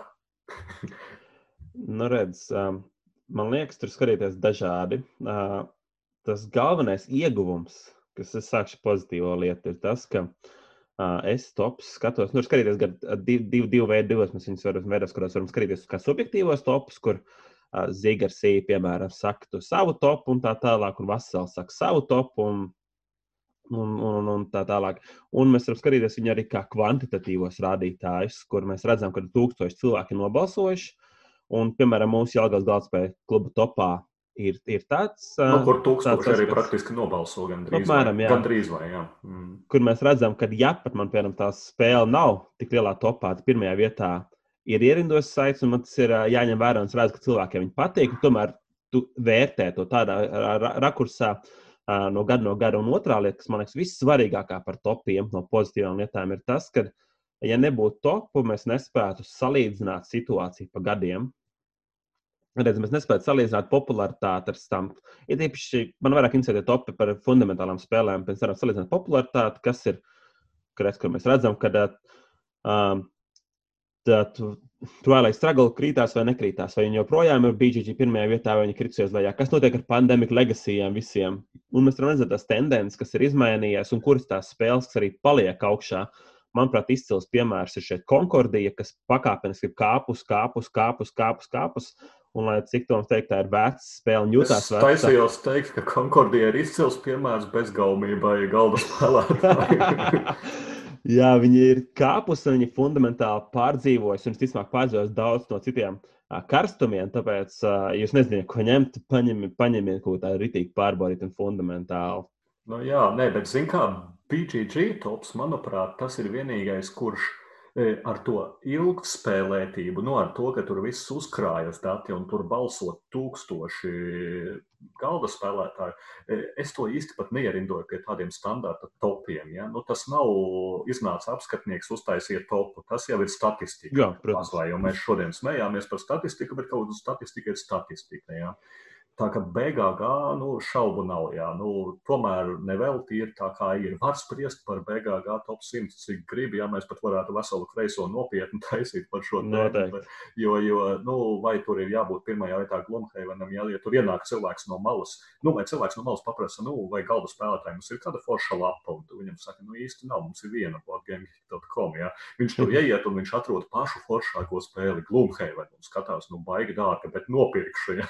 viņš ir spēlējis pirms tam monopolu un cirku, un viņam pam, atved noliek Glumheivenu. Labākajā gadījumā viņa bērni paspēlēsies ar figūriņām, un pat tas nav teikts. Ja. Nu, tā kā, nu jā, BGG tas ir tā ir cita, cita opera, bet attiecībā uz visiem šiem te standarta topiem, video, geeklistu formātā un tā, ja, nu, man personīgi topi ļoti patīk. Bet to skaits pēdējā laikā ir tik liels, ka brīžiem, tad, kad es tos topus skatos vai lasu, es pieķeru sevi pie domas, ka par spēli es īsti neklausos. Es tikai piefiksēju, kura vieta un kāda spēle tur ir ierindota. Un viss, jā. Un, un, un skatos, oh, jā, piektajā vietā ir tas un tas. Un tad uh, laižu gar ausīm visu, ko stāsta par spēli, kas it kā būtu svarīgākais. Jā, un, un, un tad atkal, oh, tagad ir ceturtās vietas, vai jāsakoncentrējas, un, un, un, un ko nu tagad teiks? Tev tā, Kristap, nav bijis? Ir, un tas, ā, kāpēc ir- man ir jāpadiskutē par to, kāpēc mēs vispār klausāmies bieži bieži šos topus. Un Man liekas, ir tāds, uh, nereti cilvēkiem ir vēlme saprast to savu pārliecību, ka viņi ir izdarījuši pareizi izvēli, un tiem li- viedokļu līderiem ir līdzīgas Vai sajūtas par spēlēm, kas ir populāri vai ne. Mm. Un es gribu dzirdēt, ja man patīk, ka, lai ja tāpat Concordija, es gribu, lai man rado savās top 10 spēlēs arī pasaka, ir Concordija. Un Tas, tas tiek justies labi. Tas tiek justies labi. Tas ir kaut ka kāds dīvains attaisnojums. Mhm. Jā, tieši tā, tā kā tu saki, vai ne? Ka, un, un es patiesībā arī es topos vairāk priecājos redzēt spēles, kuras es zinu, nevis kaut ko jaunu. Tad es Mhm. uzreiz varu just līdzi un teikt, jā, nu jā, jā. Vai, arī, vai arī teikt, nu nē, nu, tas ir loks, jā, nu, tā spēle bija stulba, jā, tur konkordija, bla, bla, bla. Jā, jā, jā. bet, bet, bet tiešām ir interesantāk klausīties par spēli, kuru tu zini, vismaz man. Jā, un tā otra lieta, ko cilvēki li, gan liek topos, gan uh, YouTube un tie viedokļu līderi, gan arī skatītāji, viņi mēģina atra- atrast tos tādu tā kā attaisnojumu par to savai, savam pirkumam, savam lielajam ieguldījumam. Līdz ar to mēs, manuprāt, bieži novērtējam, ka daudz Kickstarter dārgās, trakās spēles uh, ir vērtēts augstāk, nevis kaut kas tāds, kas tev labāk patiks, jo tu taču gribi, lai tavs uh, nemesis, kas tev patīk, nu, viņam ir arī skaists vērtējums, kurus iztērēsies pāri pa 100 eiro vai, nezinu, kas vēl ienāk prātā. Ladrēģi ar visiem paplašinājumiem, taču gribi, lai cilvēkiem patīk. Tu saki, jā, re, kurš dabūja savu foršo mantu un uh, viss notiekās. Jā, bet nu, patiesībā, ja tu labi iesāki par šīm naudām, vai ne? Jo laika patēriņš tam galda spēļu saturam, ko mēs patērējam un skatāmies, ir milzīgs. Mēs tagad pieņemsim, nu, parēķinām standarta darba laiks, ja 8 stundas, 4 nedēļas, kas tur sanāk. kaut kādas 170 stundas mēnesī vidēji cilvēki tur strādā. Ja. Pieņemsim, alga tūkstotis, ja, pārreikinu darba stundās, cik tur sanāk kaut kāds sešīs pa stundu, varbūt bišķi vairāk. Ja. Nu, teiksim, tu noskaties Daistavu ar top 10. Ja to laiku tu veltītu darbam vai haltūrai, tu jau par to laiku, ko tu noskatījies, tu būtu nopelnījis mazo spēli nopirkt. Noskatījies mm -hmm. divus topus, re, kur tev jau ir kā minimums exit. Vai šo laiku, Kristap, tavuprāt, var vērtēt tādā formātā vai nē? Tā ir izklaide un tā. Ziniet, kā tie nevar strādāt visu laiku.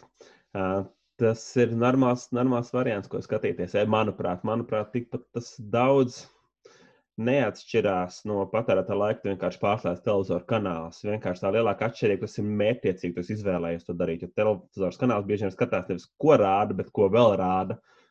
Un tu pārstājies. Bet, jā, laiks ir, un es to, es to ierobežoju tādā aspektā, ka uh, es uh, YouTube sakoju daudziem, daži, dažādiem influenceriem tā tālāk, un es zinu, kuri tādi, kuriem skatos lielāko daļu, kas viņam satura, un kādu tikai izlases vērtē, vērtē, piemēram, atnāk manā radarā kaut kāda spēle. Ok, es viņam pieslēdzos, paskatos tos topus, vai arī ātri iziet cauri, kas tur ir interesants, un saka, o, oh, runā par šo spēli, man interesē, man interesē, ko viņš pateica par to tagad, Junipēriju, piemēram, vai ne. Jaunajām spēlēm. Un lieliski lieta ir podkāsts. Podkāsts ir stēle, klausieties podkāstus. Tas, tas krietni efektivizē to laiku, tur darīt to, kamēr pastaigājies. Nu, tieši tā. Podkāsts mm. ir attaisnojamāk. Viņš tik daudz uzmanības uh, nepaņem. Ja tu vari braucot vai ejot uz darbu, klausīties. Ja? Nu, darbā, protams, var sēdēt, klausīties podkāstus un tā tālāk. Ja? Uh, un, un, un, un, un tas nav tik daudz kā šie video saturs. Bet, no, tu, jā. vai tev ir sajūta, ka kādreiz tu esi kaut ko palaidis garām vai nokavējis, jo tu neesi redzējis tagad jauno 2020 aizstāvu, ar viņiem tur bija Winter Special. Un, un tur bija spektakulāri, jā, un viņiem bija ļoti daudz dažādu topu par dažādām lietām. Vai tev ir sajūta, ka bācis noskatījos tos, bet es nenoskatījos 12 Games of fem, uh, Christmas Jā. ģimenes spēlēm. Nu, e, tas bija man nākamais, ko es gribēju runāt. Manas galvenās bažas ir, vai tie topi nav pienākums mēs visu laiku čekojam YouTube, PGG, skatāmies, o, oh, rekur atkal top 5 gada spēles. Vai nē, bet es vēl nedrīkstu skatīties. Man parādā ir top 10 no Daistava, rado top 100 anticipēt nākamā gada spēles. Oi, un paga, man rekur vēl vēsturē ir top 10 no 2019. gada Dženkona. Es nedrīkstu iet tālāk. Ja? Nu, es nezinu, varbūt tas ir tikai cilvēkiem ar OCD vai vēl, bet, bet man šķiet, ka tas satura daudzums un pārsātinātība veido savā veidā to pienākumu. Ne? Ka tev liekas, ka tev vajag noskatīties, tāpēc ka šo kanālu es obligāti skatos. Es nedrīkstu izlaist, lai arī tie divi kontributori, ja mēs skatāmies, nu, taistāvē.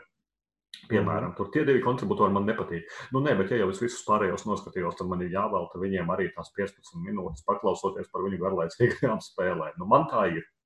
Jā, tas, kur es tev papildināšu, kas, kur man rodās problēma fundamentāli šajā, ir tas, ka uh, tā satura tik daudz, ka es fokusējos uz tiem satura radītājiem, kas ir līdzīgāki manai gaumei. Līdz ar to tas kopumā veido man to gaumu tādu ļoti vienveidīgāku. Es skatos, ok, man šis patiks. Šāda man ir down, piemēram. Es skatos viņu saturu, viņi noteikti tās spēles, kas jau ir tāpatās manā gaumē. Un es iespējams tāpēc nepamēģināšu kaut ko ļoti interesants un atšķirīgs. Lai gan šādi ir daudz slikts piemērs, viņam vienmēr kaut kas super atšķirīgs. Ir. Nu, viņi uztaisa apskatu tik labu, ka viņi var apskatīt mm. cirku, un, un tu noskatīsies tās 20 minūtes ar prieku. Jā, jā, jā. jā. Bet jā, man, man ir tāds segment, man tāds segmentēšanas sajūta, ja man patīk tāds interesants temats, kā Eirospēles, skatos vairāk tos cilvēkus, kas uh, apskats, piemēram, tas pats, ko es minēju, Chairman of the Board, kas ir viens no youtuberiem, kam es sekoju, ko Toms uh, nebija dzirdējis vispār. Un ja es noskatos viņa top, viņš arī man segmentē tālāk manā segmentā, un es tur arī vairāk vai mazāk arī palieku un iestrēgstu. Mm. Nu, man jāatzīst, daudzi šādā veidā runā. Tas pats Toms Vāsalis vienmēr postulē, nu, ka e, jums var patikt vai nepatikt mani viedokļi, ja, bet nu, apskatnieks tāpēc ir apskatnieks, ka ja man ar viņu nesakrīt viedoklis, tad es zinu, ka man ir jāņem pretēji viņa vērtējumam. Ja man ar viņu sakrīt viedoklis, tad man ir jāņem nu, tā, kā viņam patīk spēlēt. Un man nav izdevies nu, no visiem desmitiem, simtiem apskatnieku atrast tādu, ar kuru man sakristu gaumē. Ja? Nu, nav. un, un, un tad ir tas skumīgāk, jo tad tu nevari īsti zināt, ja? jo katrs no viņiem kādreiz atrod kādu šo džemu tā saucamo, ja? kaut kādas dārgakmeņas tiek izvilktas. Tā kā, nu, Tas, jā. kas ir, manuprāt, tas liels pluss, ir jāmēģina atrast gan daudz tos interesantos topus un atšķirīgos. Piemēram, tikko nesen Rado bija ļoti interesants par top 10 citiem dizaineriem, kas viņam patika. Un tur bija forši idejas, ko paskatīties, ko paskatīties kopsasalums, redzēt un tā tālāk. Un, ja ir kāds instants tēmas topiem, tā kā piemēram kreisā tokena tēmas, ne, tad ir vērts bišķi, bišķi Nu, pačakot. kreisā tokena topi ir izņēmums. Protams, ka tie ir Protams, tā kā protams. zelta mēslu čūpā, ja, nu bez Jā. mazliet tur, tur šaubu nav, ja, un, un, un nevelti mūs visi klausās, gan drīz vai tūkstoši, kā mēs jau noskaidrojām statistikā, tikai Latvijā Mhm. vien, un pat Amerikā. tā kā, eh, nu, jā, bet Kristā paklau eh, diagnosticē, vai es esmu normāls, ja es skatos game breakfast, ēdot brokastis reāli. Uh, nē, noteikti nē. Es neesmu Nav, Borgiem breakfast skatījies tik sen. un Man liekas, tas, Mm. man, man viņš ir izsmēlis. Nu, es nerunāju tieši par game breakfast. Nu, okay, nu, citam varbūt tur nāktu kaut kāds uh, top tens, jā, vai, vai, Ah, vai. jā, jā, jā, bet nu, es, es teiktu, ka, ja tu tā to pagriez, tas skaties, skaties droši. Nu, tas nav. Skaties, Nav bet tu liels. tikmēr zvanīsi, lai kāds brauc mani savākt. jā. Tu sēdi, skaties, viss kārtībā, ja neuztraucies galvenā. Jā, nē, zini, kā, tas ir tā, tā, tā normalitāte, tev tāds ļoti subjektīvs viedoklis, un tā, to tu varētu labāk nomērīt, ja tu pamēģinātu aizbraukt, piemēram, pie, es, es nezinu, tā ģimenes tāda, pie, pie sievas radiem, varbūt, kas nav spēļu spēlētāji, pamēģināt to boardgame breakfast lielā ekrāna uztaisīt no rīta brokastīs. Tad, tur, tad, tad tu saņemt atbildi savu jautājumu. Uh, nu, jā, Tas, jā, jā. tas arī būtu. Nu, Ja jā. tu būtu manās mājās, skaties boardgame breakfast, manas, manas spējas, tā, nu, kas tur ir jā. jautrs, tas atšķirīgi no tā burbuļa, vai ne? Jā, tieši tā. Mm. Nē, nu, kas ir tieši, ja skatās uz topiem, kas tur mani piesaista, es mēģināju nodefinēt trīs lietas. Tātad pirmā lieta, ko, ko pagaidām mūsu sarunā es nebiju dzirdējis, tādu konceptu, ja, ka man tops ir iespēja īsi un koncentrēti uzzināt, kas tieši kurai spēlē ir saistošs. Neskatoties spēles apskatu, vai ne? Jo apskats mm -hmm. tomēr ir laiks, pat Final Thoughts tā saucamie, tās ir 5 minūtes. Topā tu, tu jau zini, par ko ir tops. Teiksim, nu, konkrēti worker placement, jā, viss skaidrs. Ja tu zini, ka tev mehānisms interesē, tev pāris teikumos izstāstīs, uh, kurā vietā tam cilvēkam viņa tur ir. Tas varbūt nav pat tik svarīgi. Bet Jā. pāris teikumos uzzināsi, ka šai spēlē ir baigi labs tas un tas. Nu, tas ir viens, kas man piesaista. Otrs ir tas, ka spēles, kas ir vairāku cilvēku, nu, dažādu apskatnieku topos, tās tomēr aizķeras atmiņā. Un, Jā. un tad, kad tev ir jāizvēlas, ko spēlēt spēļu vakaros vai ko iegādāties, nu, nu, ir starpība, vai tev ir tas backgrounds, jā, vai nav. Jā. Nu, tā var uzrauties uz mēslu un var uzrauties tāpat, jā, kā konkordijā vai vēl. Bet, nu, principā, ja tev ir tas backgrounds, tad tomēr tu zini vismaz, nu, ko tu gribi redzēt. Nu, un trešais, jā, ka topi vienalga biatlons, bobslēgs vai, vai, vai, vai zirgu skriešanās, bet kā jau ir kuras acīs, topi ir interesanti.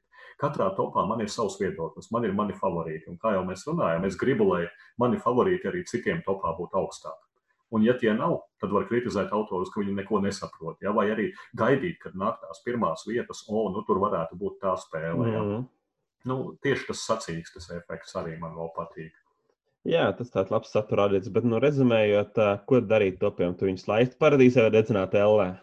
Es nezinu. Nē, nu, laikam jau paradīzē, jā, jā, jā, jā, jā. Laikam. Ok, tāda topa nav, nav, ir vairāk labums nekā ļaunums. Noteikti, noteikti. Bez tiem Noteikti. dzīve būtu garlaicīgāka. Topi, mm. -hmm. Manis pēc tie varētu būt mazāk, un, un, un bet, nu, pats jau vainīgs nevajag sekot simtiem YouTube. Tev nemetīs ieteikumos topu kaudzes. Jā. Mm.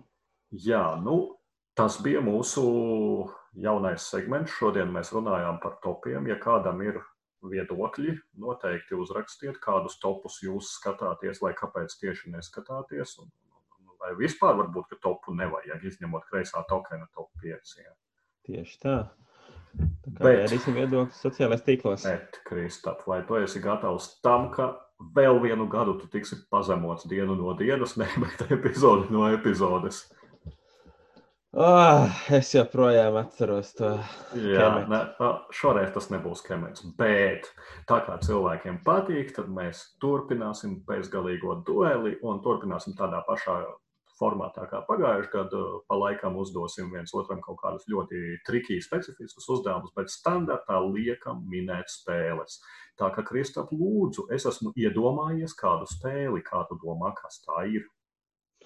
Jā, un pēc, pēc desmitā jautājuma jums iedošu pavadienu, vai ne? Uh, nu, jā, ja līdz tam Bet cerams, tik tālu nevajadzēs. iet. Protams. Labi, es esmu izdomājis stratēģiju, kā to labāk darīt. Sākšu ar skatu, pēc tam sākšu ar tēmu, turpināšu ar tēmu.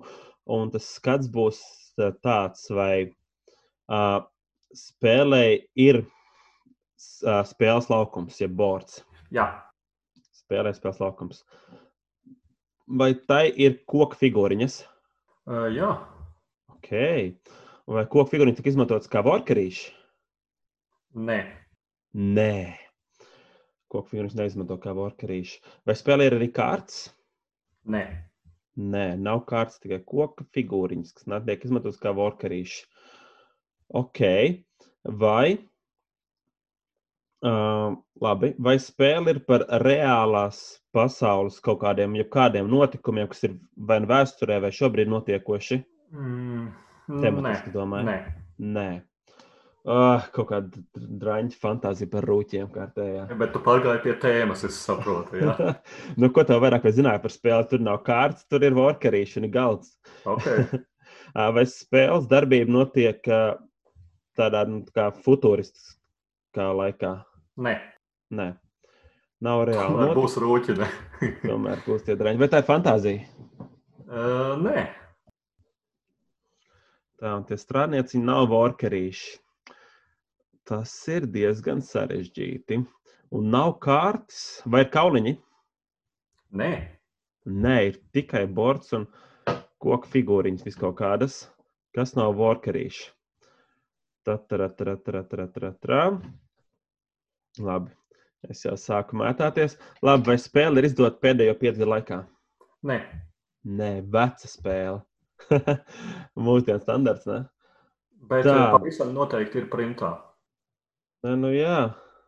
Nu, tā tad laba droši vien, vai ne?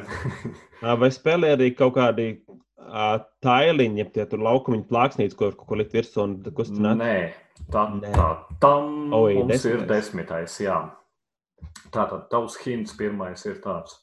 Šīs spēles svars atkarībā no komplektācijas var variēt starp pārsimts gramiem un vairākiem kilogramiem. Sākās. Pārsimts gramu un vairāk kilogramu. Hmm. Uh, vai tā ir spēle, kur tu, kurai ir daudz paplašinājumu? Nē, Nē, tur nav vispār paplašinājumu, vai ir ļoti maz. Ok, tā tad pārsimts gramu līdz kilogramu. Vai tā ir abstraktā spēle? Jā. Ok. Koku figūriņas, vai tas ir šachs? Jā, ir Yes, tas malacis. ir zolīts, zolīts rezultāts. Zolīts rezultāts 13. Jā, jā, jā. Par koka figūriņām, nu, var būt arī nekoka, protams. Jā, protams, bet tas no jā. figūriņas ir. Un, un, un, un, un tie nav varkarīši kluši, jā, bet nu, No, tā, kā, tā kā jā. Bet labs diezgan labi. pirmais hints, bet nu, vēl labāks minētais noteikti. Es Jā, labāk nē, minētājs bija izcils. Trešais hints būtu bijis, ja tu tiktu līdz 30, ka kāda Latvijas saimas deputāte nolika mandātu, lai kļūtu par spēles starptautiskās federācijas funkcionāru. Un otrais būtu seriāli.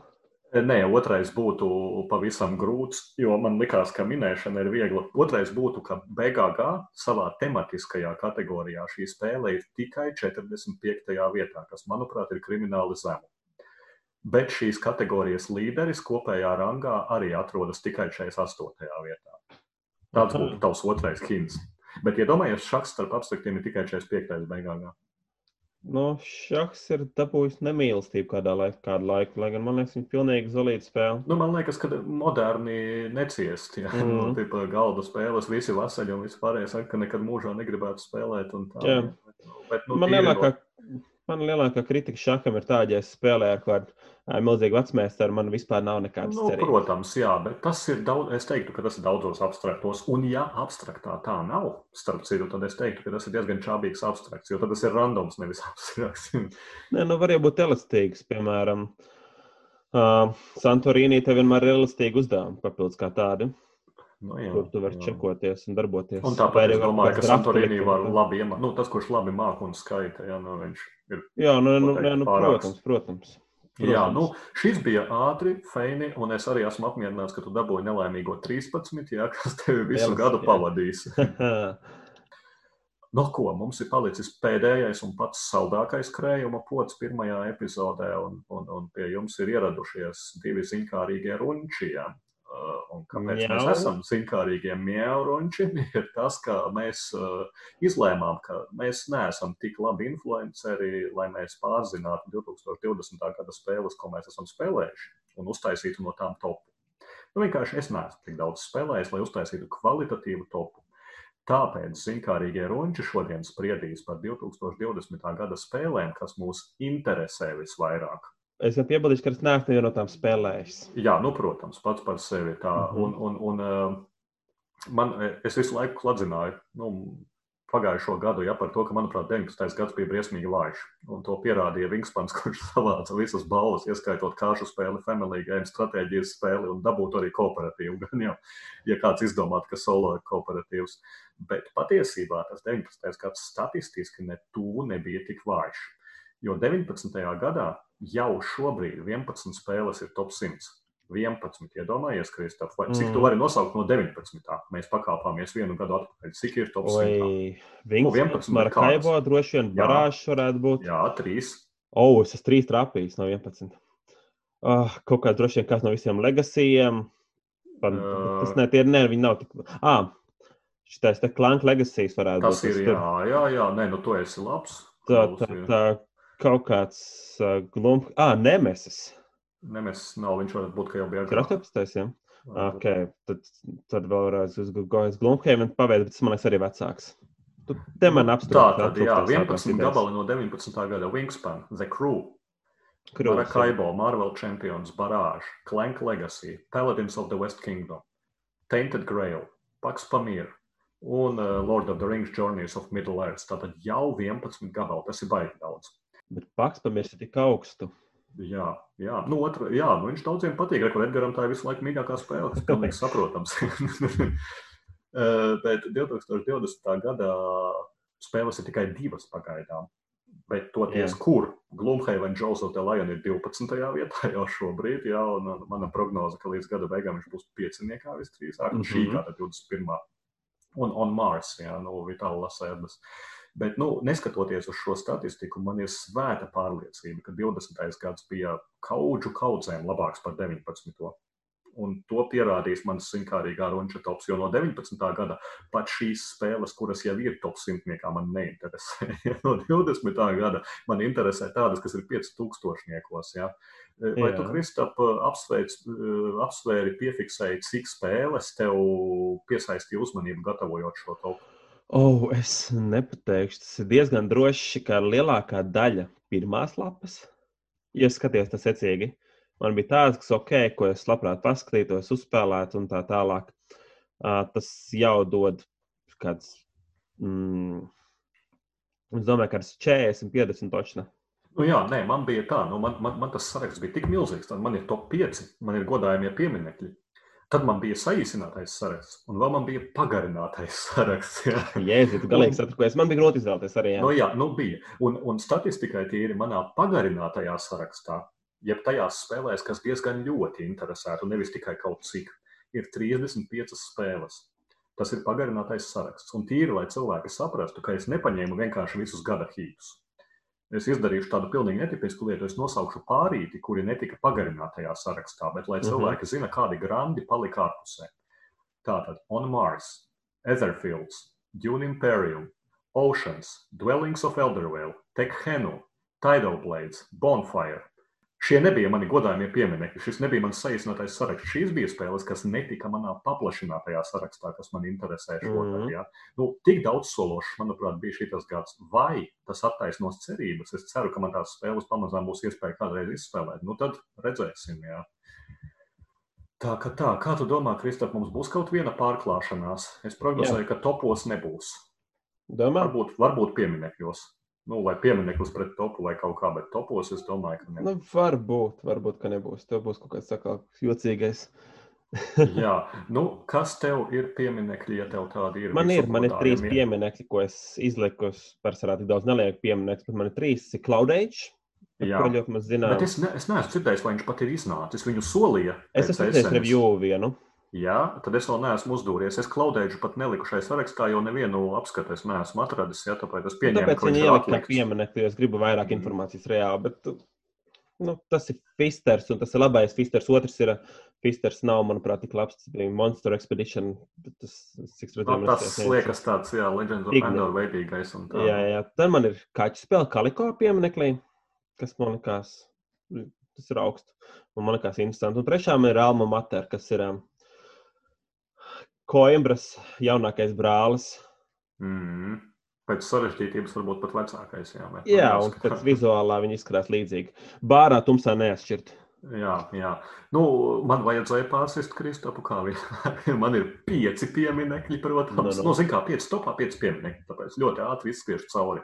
Nu, ir tas Glumheim un Džoza Dalajan, nu, ir viņš saistošs. Ja? Es zinu, ka es nekad mūžā nesaņemtos un negribētu ņemties ar īsto Glumheimenu, bet šeit liekas, nu, atvēri grāmatu, hops, hops, hops, izlika figūriņas, izspēlēja ejam tālāk. Nu, liekas, man gan šis nav saistošs. Nu, nu, kaut kā tīri intereses pēc, jo, ja nav īstais Glumheimens arī spēlēs, nu, kaut ko tev no tā visa ir jābūt kaut cik zinošam. Un tu, tu kreisajā tokenā tomēr strādā.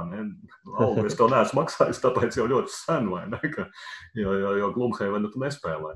Nu, jā, otrā lieta ir tā, kur Kristaps kādreiz man izglītos, tas ir Fort. Man uh mhm, -huh, tiešām inter, ieinteresējoši. Tad ir Winter, Winter Kingdom, kas ir Kingdom Buildera jaunā versija Donalda Vakarino. Kingdom Builders pavājā gadā būsim godīgi ieguvuši pildes jāni. Uh mhm. -huh. Bet, bet uh, es teiktu, ka man viņš patīk. Es esmu spēlējis Kingdom Builder un Winter Kingdom. Šķiet tieši tāds solis uz augšu, advancētāks pasākums. Uh, tad spēle, par kuru es jau biju runājis, Toma Focus segmentā Super Skill Pinball for Kate. Tad es par to runāju tikai, ka tāda spēle būs, un Jeffs Enkelsteins uztaisīs pinbolu spēli. Ja? Tagad jau ir ienākuši apskati, un, un, un, un, un lielākā daļa ir tiešām lielā sajūsmā, ka viņam ir izdevies imitēt pinbolu. Ja? Uh, Diemžēl lielākā daļa arī saka, ka tā ir lieliska solo spēle. nevis, nevis, ka viņi būtu jāspēlē vairāk. Bet nu, mhm. tāpat ļoti interesanti. Nu, un jāieliek ir arī Špildes Jāres nominants My City.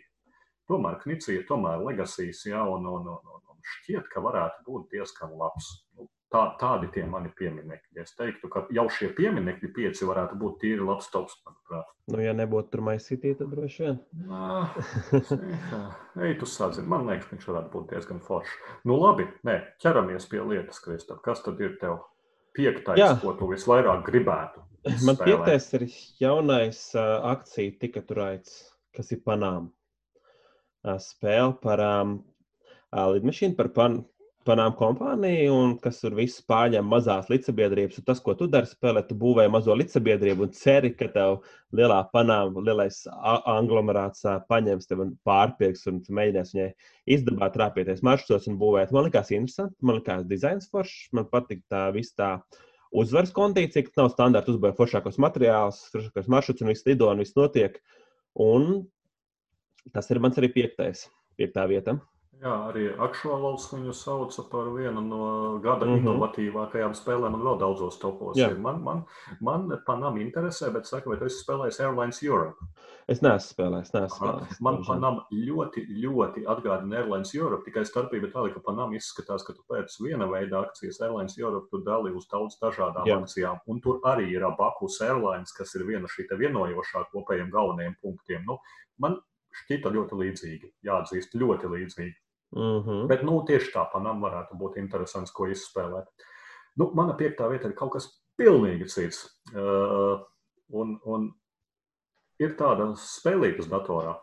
Tur, kur, tu, tur, kur tev nāk zombiju virsū, vai nāk aitiņas, vai, vai, vai brauc mašīnas, un tad tu būvē visādas turnīšus pa malām, un tie turnīši viņas klapē, blap, blap, blap, blap, blap un viss mm -hmm. sprākst. Tower defense sauc uz žanrs. Yeah. Es tiešām esmu liels fans Tower defense žanram. Un eh, tāpat kā sporta spēles, es uzskatu, ka to nav iespējams pārnest uz galda spēlēm, lai kā censtos, jo tā ir dinamika. Tā, tā ir stress, ka tu sēdi bez mazliet grauzu nagus, kā viņa datorā tur smuki ripo, un, un tu ceri, ka tavs tornis viņas nošaus. Ja, un, un, un tur, tur, tur pats to pat nezini, ja, vai tā notiks vai nē. Ir parādījusies spēle Kingdom Rush Rift in Time, bāzēta uz Tower Defense īstu spēli, nu, kuru es gan nesu spēlējis, bet nu, tāpat kā citi Tower Defense, tikai daudz, daudz smalkāka ja maksas spēle. Un Kingdom Rush Rift in Time ir, kas nu bija Chronicles of Crime autors kompānija, ļoti zināmā kompānija, izskrēja no galvas. Mēģināt tev palīdzēt. Nu, vārdu sakot, tā kompānija Lakīdaks. Lakīdaks, protams, es zināju, galvā bija pīles, bet kādas pīles? Nu, tieši tā Lakīdaks Games, viņi pēdējā laikā riktīgi spridzina kopš Chronicles of Crime. Viņi ir tiešām īpaši Kickstarterī piepildījuši ar daudziem labiem projektiem, un šis ir viņu projekts. Un šis ir Tower Defense žanra spēle, kas vismaz rāda operātu, bet nu rāda neviens nevar ticēt, zin, kā tas tām, tā, tām aizdomīgi, bet vismaz rāda operātu patiešām rada to sajūtu, ko dara Tower Defense īsts. Un spēle tā arī izskatās. Tur ir taciņas, varbūt dažādas taciņas, pa kurām iet uz tavu pili. Tev var būt vieni vārti, varbūt vairāki vārti. Un taciņu malās tu būvē šos torņus. Un tad tu tos torņus vari uzlabot par, par naudu, uzbūvēt, ka tas tornis ir stiprāks. Un kādā veidā notiek tā šaušana pa ienaidniekiem, notiek liekot, protams, nu, pēc tā nevarēja iztikt. Tetris tipa taili, poliominos. tad katram ienaidniekam virsū ir kaut kādas figūriņas, kuras tev vajag aizpildīt ar tetris tipa tailiem. Un tad tev ir tornis, kas šauj ar Z burtiem, tev ir tornis, kas šauj ar L burtiem, un, un tad viņš tur iet gar tiem torņiem, un tu viņus klapē. Ja, un, ja tu aizpildi visus lauciņus uz ienaidnieku, tad viņš ir ārā. Un tad tie ienaidnieki arī tur ir simti dažādi. Tur ir orki un, un apgraidoti orki, un, un, un taviem torņiem ir tālšāvēji, un papildus tam vēl katram spēlētājam ir savs čārs kuram ir kaut kādas superspējas. Nu, šķiet patiešām aizraujoši. Kas man radīja bažas, bija pēdējie jaunākie apskati, nevis rado sajūsmas kliedzienu pilnais. Ja. Nu, pēdējie jaunākie apskati bija viena lieta, kā tās trases esot daudz, daudz par īsu, un tas man nepatīk. Man tomēr patīk, kā tie ienaidnieki lodā, izlodājot, un ka tavs Mhm. tonis šauj vispirms uz vienu pusi, un pēc tam viņš pagriež šauj uz otru pusi. Ja. Ka tās trases esot par īsu, un otrs, ka tā spēle esot uztaisīta nereāli grūta.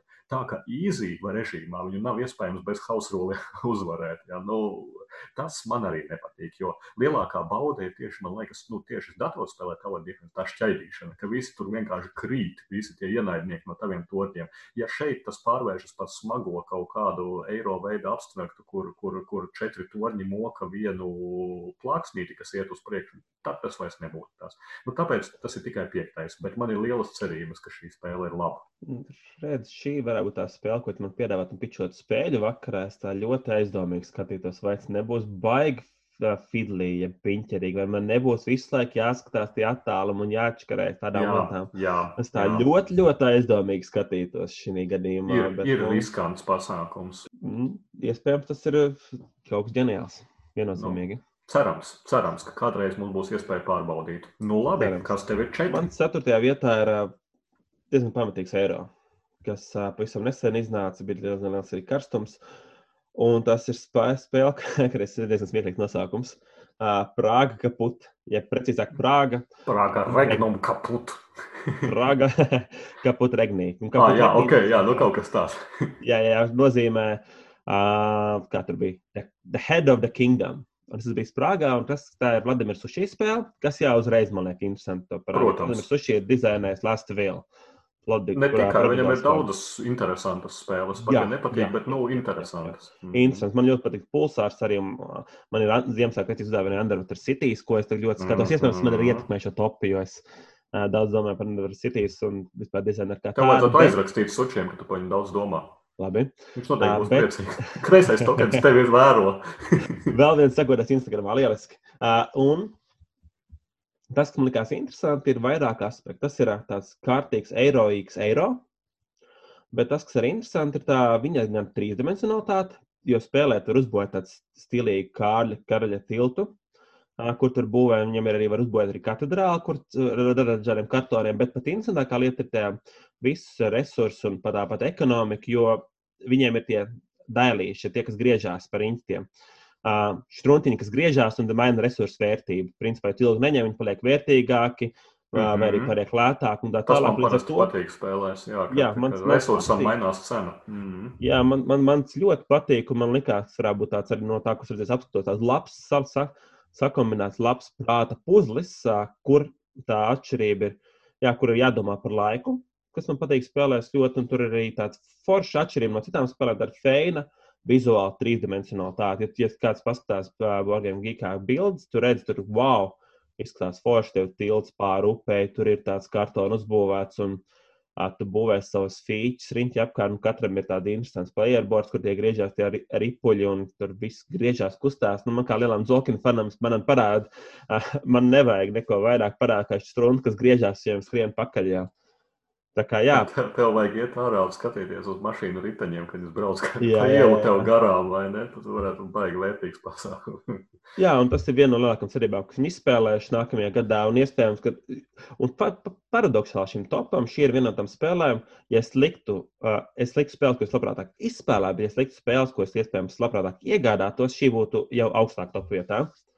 Kas ir interesanti? Nu jā, es Praga, Praga Regnieka, Puta Regno vai kas, es, es viņu neesmu gana paguvis izpētīt. Ja es mm -hmm. zinu, ka tāda bija, ka tas ir viens no foršajiem šī gada eiro, nu pagājušā gada eiro, bet, yeah. bet, bet pagaidām neapskati nekas nav redzēts. Bet spēle, ko es esmu paguvis izpētīt, ir tā, kas Kristapam palika tikai godājamajos pieminekļos. Un tas ir Alma Mater, protams. Nu, ja ņem vērā, ka man Coimbra ir uh, top 10 visu laiku, jā, uh, tad uh, šeit ir tie paši autori un spēlē mega interesantajā universitā, universitātes pilsētā Coimbra. Jā. Spēlētāji ir rektori neatkarīgās universitātēs 15. gadsimtā, un spēles mērķis ir tieši savu alma mater padarīt par pašu ietekmīgāko. Un, un to var darīt, nolīgstot labākos profesorus, piesaistot visvairāk studentus, ja tur mācību līdzekļi kvalitatīvākie. Nu, es teiktu, mūsdienu augstskolas sacensība, tāpat kā visur. Ja. Bet, bet kas man šķiet ļoti interesanti, ir e, gan visdrīzāk arī tajā laikā, bet arī mūsdienu augstskolu vidē, ja pēc mazliet piespiedu kārtā nepieciešamā informācijas, jeb resursu apmaiņas starp universitātēm. Jo tas tieši kā dzīvē. Nu, ja mēs skatāmies tur LLU, RTU, LU, visas šīs universitātes reāli konkurē dažādos rangos, piesaistot studentus, jā, sporta sacensībās visur. Bet tad, kad runājam par zinātni un konferencēm, tieši par šo zinātnes attīstību. Tad šīs universitātes pēkšņi sāk baigi sadarboties. Ja tur ir kopēji projekti, ja, lai iegūtu naudu. Un, tā, un Alma Materā man tieši patīk šīs doma, ka ir dažādi grāmatu veida resursi. Nu, grāmatas simbolizē šīs zināšanas, un katrai universitātei ir kaut kāds speciālais viņu resurss. Bet, lai cita universitāte vispār attīstītos šajā zinātnē, tev ir vajadzīgi to citu universitāšu grāmatas. Tātad tev ir no citiem spēlētājiem obligāti kaut kas jāņem, un tajā pašā laikā tev ir jāattīsta savi šie resursi, nu, zināšanu, lai citi ņemtu no tevis. Un, un, un paralēli tam šī stīvēšanās par labāko profesoru piesaisti, par studentu piesaisti. It kā tas ir absolūti sausais eiro, bet, bet man patīk tēmas integrācija līdzīgi kā Coimbrā, kurš arī it kā ir absolūti sausais eiro, bet tur ir forši, ka tur ir augstmaņi, kuri baidās, ja tu viņus aizēji piespiest ar zobeniem, viņi tev sāk palīdzēt, vai arī tu kādam vajadzēja samaksāt, mūks staigā pa karti. Ja? Nu, it kā absolūti sausais eiro, bet tāpat ļoti forši. Un, un, un grafiskais noformējums man patīk, ka ir ieturēts tāpat kā Coimbrā. Tā kā alma mater no, viennozīmīgi ir tas, ko gribētos izmēģināt. No, es teiktu, noteikti interesanti, interesanti labi izvēle. Man, man arī tas, kas man tur fascinē, tā iekšējā ekonomika ar grāmatām, tas ir mm. absolūti interesanti. Un pašas grāmatas izskatās lieliski uztaisītas. Jā, jā tā ir forša plastmasiņa, bet tiešām grāmatas. Mm -hmm. Nevis kubiņi, kas tie varēja būt. Jā, ja Toms izvēlējās savām kas sanāk 4. vietā spēle, kas izskatās lieliski. Es izvēlējos 3. vietā spēle, kas izskatās nu, absolūti pretēji lieliskam. Bet ļoti bieži gadās, ka spēles, kas neizskatās lieliski, un viņi tik ļoti atzīti un atzīmēti, viņas varētu būt superīgas, mehāniski un pamatīgs smadzeņu lausnis. Un tas ir uh, Beyond the Sun. Kas mm -hmm. ir mhm. spēle? Viņi izskatās par... drausmīgi. Viņi izskatās traģiski. Viņi izskatās diezgan, diezgan traģiski, bet spēle pa lielām ir tā kā tehnoloģija koks kur attīstās, atklāja viens tehnoloģijas, atklāja otrs tehnoloģijas, un tad tādā mazā Excelītī, uh, papīra Excelītī tur būvē priekšā, attīsties, izmanto kauliņus, lai mainītu resursus. Un jo vairāk skatos apskats, jo vairāk man fascinē viņa. Un viņi ir izgājuši tādu lielu kvalitātes čeku no apskatnieku, man, manā skatījumā, apskatnieku pusē, kas viņi saka, jā, šī stēla varbūt neizskatās lieliski. Un man personiski, man kosmosa tēma ir ok, es varu spēlēt, bet nav no manām mīļākajām tēmām. Bet tas tehnoloģija koks, man liekas, varētu būt interesanta lieta, kur tev jāpieņem nemitīgi smagi fundamentāli lēmumi, kas ietekmē to spēles gaitu uz priekšu, un tās kā mehāniski varētu būt super interesanti. Bet visticamāk, viņi nekad nepirkt pats savā kolekcijā. Galīgi spēlēt šis būtu noteikti, noteikti. Nē, man, man, man arī patīk tehnoloģija koka ideja. Man nedaudz bija Andres Sanam uh, biedē tas, ka tur ir bez maz vai tikai tehnoloģija koks. Ja? Nu, tas tā liekas, nu, ej tu sazini jau kā, cik labi tas strādā, bet tieši tā kā Kristof, teici, apskatnieks saka, ka strādā, ja? mm. tikai rādo. Uh, bet jā, the Sun man uh, netika paplašinātajā sarakstā, kas tikai pierāda to, cik mans paplašinātais saraksts ir labs, jo man patīk Sun, bet viņa vēl netika yeah. pat tajā sarakstā. Bet, bet es nezinu, vai es tagad nenospēlošu uz priekšu vai ko, ja? bet, bet bija divas līdzīgas spēles iznākušas, kuras pilnīgi atšķirīgas, bet, bet viņas bišķiņi jūg Beyond the Sun un Search for Planet X. Uh -huh. uh, viena ir šī tehnoloģija koka spēle, un viena ir awkward gestu tipa spēle, ja, nu, par meklēšanu. Un Search for Planet X, un tā ir tā no šīm abām, kas man interesē daudz vairāk, bet, nu, viņi arī netika iekšā. Man arī interesē Search for Planet X, un arī viņi apspēros, kā paplašināto sarakstu, bet uh, es neesmu joprojām pilnīgi pārliecināts par šādu tipu dedukciju. Nu, šī tipa dedukcija varētu, es taisni klausoties, apskatus, man šķiet, ka Search for Planet X novērš tās problēmas, kas tev ir uh, okordkestos. Ja? Nu, nu, spēle spēlē tevi. Nu, šeit gan arī it kā spēle spēlē tevi, bet tev ir iespēja jau uzdot jautājumus jau aplikācijai par tām lietām. Nu, nu sanāk bišķi labāk. Tas ir alķīmiķi... mākslīgais intelekts man spēlē. Jā, jā, un tas mākslīgais alķīmiķu ideja, ka tu vari publicēt teorijas, ja, un cik paļauties vai nepaļauties. Bet, nu jā, tā bija atkāpe. Arī laba spēle noteikti. Search for Planet X ir būtu interesanti izspēlēt. Jā, bet, es ļoti gribētu. Bet Būt, mana trešā vieta ir uh, tematiska spēle, kas ļauj iejusties pirātu ādā, kas ir Forgotten Waters. Es neesmu liels pirātu fans. Tik augsts. Bet man šķiet, ka šī varētu būt nereāli jēstra alus spēle. tas ir kooperatīvs, bet, ja es pareizi saprotu, tas kooperatīvs ar zobiem, kur, nu, pilnīgi tā kā uz pirātu kuģa kur visi it kā darbojas kopā, bet nu, no dažādiem literatūras un kino darbiem mēs labi zinām, kas notiek patiesībā uz pirātu kuģa. Ja? Viens tur kaut ko šmugulē, pavācis spļauj zupā, ja? botsmanis grib gāzt kapteini un tā tālāk. Ja? Nu, man ir jūšana, ka šī varētu būt tāda spēle, nu, tā, tāds jāstrais kooperatīvs, bet tematisks, kurā citādāk man viņa nepatiktu. Bet tur ir ievietoti cienījami mehānismi eiro garā. Tāpat strādnieku izvietošana kas liek domāt, ka Forgotten Waters nav kārtējais. Atvēru kartiņu, uzmetu kauliņus, paskatos, kas ar mani notiks. Ja? Nu, šķiet, ka šī mehānisms, ka katram spēlētājam ir jāpieņem savu lēmumu, padara to kaut kur nedaudz tuvāku tādām, nu, nu ne jau sarežģītībām, protams, kā Robinsons, bet tajā pašā laikā ir pievienots šis jautruma aspekts un, un stāsta aspekts, ka tev ir aplikācija, nevēlties prasīt tev par to escape tales grāmatu un tā, ja, ka šeit ir aplikācija, kur tev lasa visu to stāstu un vēl pie tam aktieri, kuri ir ierunājuši. Mm -hmm. Nevis uh, nu, tur, tur Pēters no 10. B, kurš angļuiski burto, sēžot blakus ar grāmatu. Protams, nav pretenzija pret Pēteru no 10. B. Malacis, ka viņš to dara. Ja? Es nu, gan viņas iest nevaru. Nu, jā, ne, nu, nevar ciest, bet nu, citādi neviens nelasīs. Nu, tur nav jāspēlē tādas spēles. Jā. Bet šeit to dara profesionāli ielasītāji. Jā, un, tas varētu būt tiešām jautrs pasākums. Tā nebūtu spēle, ko es pirktu, un tā, bet tā būtu spēle, ko es labprāt labā kompānijā pasēdētu un papriecātos par pāris scenārijiem un paskatītos, kā tas strādā. Nu, Forgotten Waters. Man, man, man tur ir milzīgi bažas, ka tas būs tāds, kur tev nebūs jākpiln lēmumu. Tur vienkārši ies un spēlē. Tur ir tas worker placements. Nu, kaut kam tur ir jābūt. es, es, Jā. es, es viņam varbūt ticu vairāk, kā, kā tur ir. Jā. Varbūt. uh mhm. -huh. Okay. Bet, uh, jā, noteikti arī gribētu vismaz vienu scenāriju pamēģināt, paskatīties, kā tur ir un pārliecināties, ka man ir taisnība. jā. jā, bet jā, nu, tur tie apskatīts, pārsvarā apskatos, redzēs, ka cilvēki sajūsmā, viņiem ļoti patiks pieredze, bet viņi saka, ok, ka tā spēle tur bija vairāk stāstījis, vairāk kā piedzīvojums, mazākā spēle, cik es esmu skatījies. Bet, uh, Tas ir lieliski, ko dabūt vakarā, vai ne? Ir īpaši rāli, un to, labs, mm. to, to, to noteikti atcerēsies ilgi. ilgi.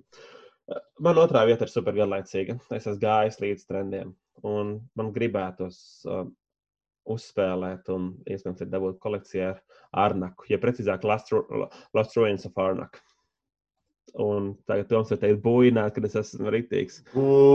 Mainstreams, mainstreams, tu esi tik garlaicīgs kā veca kartupeļu biespūļu. Jā, bet tur ir tik daudz hinčīgas lietas, kas man patīk. Nu, kas tev tur var patikt? Kas tev deckbuildings tur patīk? Man patīk deckbuildings ar mazkārtnieku un kombinē. Man patīk, Jā, un worker placements vēl pasaka. Worker placements ar ierobežotiem workeriem, tev ir maz worker, tu lēnām. Un tehnoloģija koks vai ne vēl pateiks. Un tev ir bloki, kas tev parādās, tu jāizdomā, kā bloki noķert, tie resursi ir tādi mazi, un tie gājieni nav super daudz, un tu lēnām audz uz priekšu, un tur ekonomika sākumā ir viena, un tas uh, lauciņš bīdās uz priekšu, un tev tā ekonomika dabū citādāk, viņi būvējas. Un, uh, tematika ir interesanta. Man gan nebūtu arī pretenzijas, ja mēs tur vietējos inkus svapētu ārā. Man... Nedrīkst. Ne, ne, man liekas, bišķiņ tās lietas aiziet par tālu. Es bet, piekrītu, bet, piekrītu. bet ja nav panim klūdēt, kurš ir, nu, es atvainojos, bet tas ir Leišu viestrādnieks Anglijā, Efka. Un Jā. viņš, uzsākot Lost Ruins of Arnāk apskatu, atvainojas uh, par šīs spēles tēmu. Nu, ar ļoti cilvēku, kur mēs ejam. Man ar, nu, tas, tas, tas gan jā. Bišķi pat tā, jau Viņa ir krāšņa, koša ar dažādām institūcijām lietām. Es zinu, ja viņa būtu, piemēram, kolekcijā, es zinu, ka tas būtu pasākums, ko es izspēlētu 10, 20 reizes. Un daudz viņa izspēlētu noteikti. Nu, tu to nevari zināt, vai 10, 20, varbūt tu izspēlēt trīs reizes un secināt, zini, tomēr neiet. Jā. Nu, šitais tas, ko, kas man, man bija mainstream, mainstream izvēle, ko es gribētu. Nu, izspēlēt. jā, nē, es cerēju Piedodiet, piedodiet, tas pievīls viss. Jā, jā, bet man ir labāka otrā vieta. Labi. Mana otrā vieta ir Whistle Mountain. Es ticu, ka bezjēgējums var labāk par desmit dažādu veidu mafijām. Nopietni. Man joprojām ir cerība, ka suburbija, nu, un pa daļai arī Castles of Mad King Ludwig, kas pa laikam ir nodedzis, ja, nu, ka suburbija nepaliks pēdējais Teda Alpaha un bezjēga meistardarbs. Un pirmie apskati liek cerēt, ka Whistle Mountain varētu būt labs pretendents uz jauna hīta statusu bezjēga. Tie ir nopietni eiromehānismi. Līdz šim, manuprāt, neredzēts strādnieku un vietu grimšanas piesitiens. Tematiski tā spēle ir bišķiņa fiņa. Tur tiek būvēts vai nu dambis, vai arī liktas stalažas, lai optimizētu resursu ieguvi no kalna, kaut kas tāds. Un tad uz šīm stalažām nāk jauni, jaunas uh, vietas strādnieku izvietošanai, ja es pareizi saprotu, un uh, tu būvē augstāk, augstāk, augstāk kalnā, un tas izraisa sniega kušanu. Un kas notiek tad, kad kūst sniegs? Nu, sliktākais ir paralēli ir saules, ja, jo tad ir uh, visi uz pakaļas, ja, un mašīnas pa grāvjiem un velosipēdis visur vandās un tā tālāk. Bet, bet standartā sniegs kūst, paaugstinās ūdens līmenis. Ko tas nozīmē Whistle Mountainā? Apakšējie stāvi šīs stalāžas tiek apludināti spēlē ejot, jo augstāk tu būvē jaunas vietas un resursu iegūšanas, jo vairāk kūst ūdens un apakšējās vietas tiek apludinātas, un neuzmanīgie strādnieki arī aiziet whirlpoolā. Un, un tas man šķiet diezgan interesants mehānisms, ka spēle pati nodrošina to, ka tu zini, jā, tur tās un tās vietas pazudīs pēc kāda laiciņa. Ja vai es tur riskēšu iet, bet ja nu pretinieks pabūvēs uz augšu kaut kur un rekur mans strādnieks nogrims, jā, bet man tur ļoti vajag. Papildus tam tur ir trīs dažādi veidi strādnieki, jā, un, un, un, un šķiet, ka šis varētu būt tāds, nu, bezjēga games. Uh, veiksmīgais. Whistle stop. Es esmu spēlējis, man nepārāk patika. Es neesmu drošs, vai viņam vajadzēja turpināt tā pašu universu un, un, un, un, un izvirzīt, ka svilpītas ir pats galvenais resurss, ko kalnā iegūst. Nu, labi, ja viņi tā grib uzturēt universu būtību. Bet nu, spēle man šķiet, ka varētu būt tiešām laba. Whistle Mountain. Nu, jā, nu šeit man arī pretenzija bija par to visu nosaukumu. Tā kā neesmu spēlējis to stop, bet es, es, es, sapratu, ka tas nebūs. Bet man, ne vis, man visu laiku atbaida tās spēles, kuras nesaprotu vispār, kas tur notiek. Es pieņemu, šeit būtu gadījums, kuras uh, man liktos, ah, kas tur būs un kaut kāds pilnīgs nonsens. Uh, visticamāk, tur ir pilnīgs nonsens tematiski. Un beigās, beigās likās, wow, rītīgi forši sajūta, rītīgi fēni izspēlēt. Šis varētu būt no tiem variantiem. Mm. Te, tas, kas man vēl bija atbaida, ir atkal tetrīši ir. Ja es pareizi saprotu, kas tur spēlē Man jādara. liekas, ka nebaid. Nu, viņi nav tik izteikti kā citur, pat ja ir. Jā. Nu, jā, bet tev kaut kas jāsaliek. Un, laikam, Kurā dažādi spēlē daudz- tagad nav tetra? Pagaidām, tavā šitanī te nebija tikko, kur mēs tikko spriedām, kur bija tetris. Nē, kur man bija. nav bijis tetris nevienā. Bet katrā gadījumā šobrīd man liekas, ka trešdaļā spēļu ir tetri vai rolanraids. Jā, jā, un tad ir vesela čupa. Tur uh, tu maini svilpīt pret brillēm un maini jā, pret tetri. Nu, tas ir visādas ok, tādas nu, tas ir kombo. Kas ir Klasiski, jā. fine, kaut ko maina pret kaut ko. un Es pieņemu, ka mehāniski ir rītīgi forši un interesanti, bet man šobrīd jau laikam man gribētu, lai ir kaut kas tāds arī tas tematiskums savilkts iekšā kaut vai. Lai, šeit nav gan pastrādājuši, lai man apmānītu. Nu, nē, nē, bet te strādnieks ir uh, brauc ar dirižabli. Viņš brauc oh, pie stalāžas ar dirižabli no malas. Man liekas, ka tieši tā, tas varētu būt labs. Bet, nu, kas tad ir tā pati, pati labākā spēle? Daudz sološākā. Oi, man ir, ja jau man otrā vieta bija mainstreams, man pirmā ir diezgan traks Indijas. Un tas ir, ja Toms jau pieminēja Tower Defense konceptu un spēli kā tādu, es biju domājis, ka nosaukšu šo spēli, bet viņš nosauc kaut kā tur Kingdoms Rush un tā tālāk. Bet uh, man ir traka vieta pirmajā vietā, ko es baigi gribētu izspēlēt. Baigi gribētu izspēlēt. Tas ir Under Falling Skies. Uh, uh, solo. Kas ir solo spēle? Teorētiski viņi var spēlēt ar kādu kopā solo, bet. Nē, nu, jebkuru solo var. Tāpat jā. kā kooperatīvu, man liekas, ka lielāko daļu var spēlēt viens. Nu, ja nav akurāti, pilnīgi precīzi, ka nedrīkst redzēt citu spēlētāju kārtiņas. Nu, var spēlēt mm -hmm, to pašu pandēmiku, var spēlēt viens. Nu vairāk vai mazāk arī Tower Defense spēle. Nu, mēs te varam skatīties ļoti paplašināt šo te, vai ne? Ja šis nav tik klasisks, bet tev Nē, nāk. Bet ir, bet ir. Nu, ir, ir, vai ne? Mm. Ir. Un tev nāk, ir lielais marcietis nāk, un viņi nāk tev visu laiku tuvojas, un tu matemātiski uzmet kauliņus, tu vari kauliņu katru kauliņu savā kolonnā, un tu domā, kā viņus gudri izvietot, lai tu nonestu marciešu, pirms viņi tev izdarījuši gana daudz sāpju tavai zemē. Un tur ir visādas interesantas lietas. Apskatos, redzēju tikai pirmo scenāriju kas ir, ir iedodas, bet, ja nemaldos, bija kaut kāds 6, 7 scenāriji, katrs citādāks ar pavērsieniem, ar stāstu. Mehānisms man liekas, ļoti, ļoti, ļoti interesants puzlis, ko būtu uh, forši uh, atrisināt, izdomāt, ko es labprāt vakarā piesāstos, domāt un čekot. Un tas arī stāsts spēlē kā tāds, kā viņi ir tapusi. Viņi ir tapusi no sākuma um, visiem spēlētājiem print and write, um, print and play konstatē, ja izprintē un mhm, mhm. spēlē. Jebkurš var viņu internetā pieņemt, izprintēt un. Pārbaudīt, vai patiks tieši jā, tā. Bet es saprotu, ka tā kaste ir arī pēkt, ka tu tiešām nu, nopērci to spēli un tu dabū naudu par, nu, atdevi par savu naudu. Jā, jā, jā tu dabū labu uh, saturu. Viņi nebija arī dārgi. Tas bija kaut kur pie 30, 40, nekā man liekas, jāapskatās būs pēc brītiņa. Uh, un viņi ir pilni, viņi ir scenārijiem, interesantām pavadieniem, un tas, ka viņi ir izgājuši to print and play testu, kad publishers viņu ir dizainers viņu paņēmis, viņš dabūjis cilvēkam ļoti daudz arī atgrieztisko saikni, ja jau man dot tādu sajūtu, ka tā varētu būt ļoti, ļoti, ļoti interesanta spēle. Ko nu, es noteikti gribētu izspēlēt. Es, bet, es liecos uz Amazon šobrīd iet iekšā. No Under Falling Sky man arī bija šajā paplašinātajā vai pat saīsinātajā sarakstā. Uh, Es gribētu no kreisā tokena puses pateikt, ka Maika Delīsija, nē, es gribēju teikt, Kristapa viedoklis nav kreisā tokena oficiālais viedoklis, un mūs nav sākuši sponsorēt CGE Check Games Edition, lai arī Kristaps ielika pirmajās divās vietās CGE spēles, jau nosauca Under Falling Skies par Indiju. Nu, nu, a, viņai izcelsme ir Indija. Nu, izcelsme ir. Tā, nu, jā, jā, jā. Tas Kristaps nepārstāv kreisā tokena oficiālo viedokli. Mana pirmā vieta ir kaut kas pilnīgi cits. Lai mēs atgrieztos pie realitātes. Mana pirmā vieta, manuprāt, visdaudzsološākā spēle ir Lost Ruins of Arnak. Ak, tu esi dēlējis tomēr šitais streamlēners. un, un, un, jā, nu, pilnīgi. Nu, man šķiet, ka CG ir atpakaļ. Un Kristaps to pierādīja arī ar savu pirmo vietu, ne tikai ar otro. Ja? Yeah. Mani tiešām skumdināja pēdējo gadu notikumu secība, kad no lieliskas, nabadzīgas un vidēji populāras eiro spēļu veidotājas kompānijas CG kāds, iz, kāds izlēma, ka viņiem jāsāk pelnīt lielo šmeli un vai mēs ražosim mentās kodnēmas versijas, pārdosim miljonus eksemplārus. Un, un man likās, viss tas CG ir cauri. Pēc tam nāk Latvijas nu, un, un, un tas būs viss. Tagad pārtīgai mēģinām atdarināt vēl vienu kodnēmu. Un šogad pams. Nu, mm -hmm. Visdrīzāk, ka izcils solo, kurš viens no izcilākajiem Under Falling Skies. Un es teiktu, ka laikam jau šīs izpurgātās SNS lielākais hīts, Jā, Lost Ruins of Arnēk. Es neesmu Indiana Jonesa Lara Krofts piekritējis. Tā nav mana tēma. Nav baigā interese. Tāpēc es varu tikai priecāties par to, cik pati spēle, bet ne vāks. Vāks man nepatīk. Bet pati spēle ir lieliski ilustrēta. Tās kartiņas, nu, tiešām tas viss ir tik koši un patīkami un neka, nu, nekaitinoši, bet koši.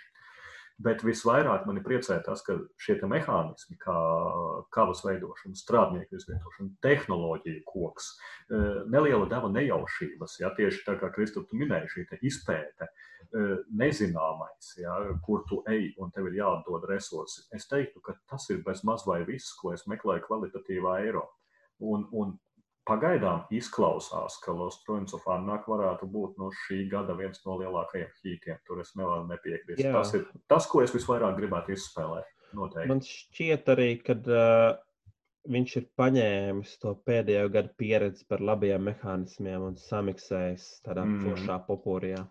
Nu, tur gan ir dīvaini dizaineri cik es saprotu, jaunie. Mm -hmm. min, un Lina, ne, bet Lina un kaut kas. Ja, nu, tā, tā, es, es teiktu, ka Sučīs tādu varētu uztaisīt.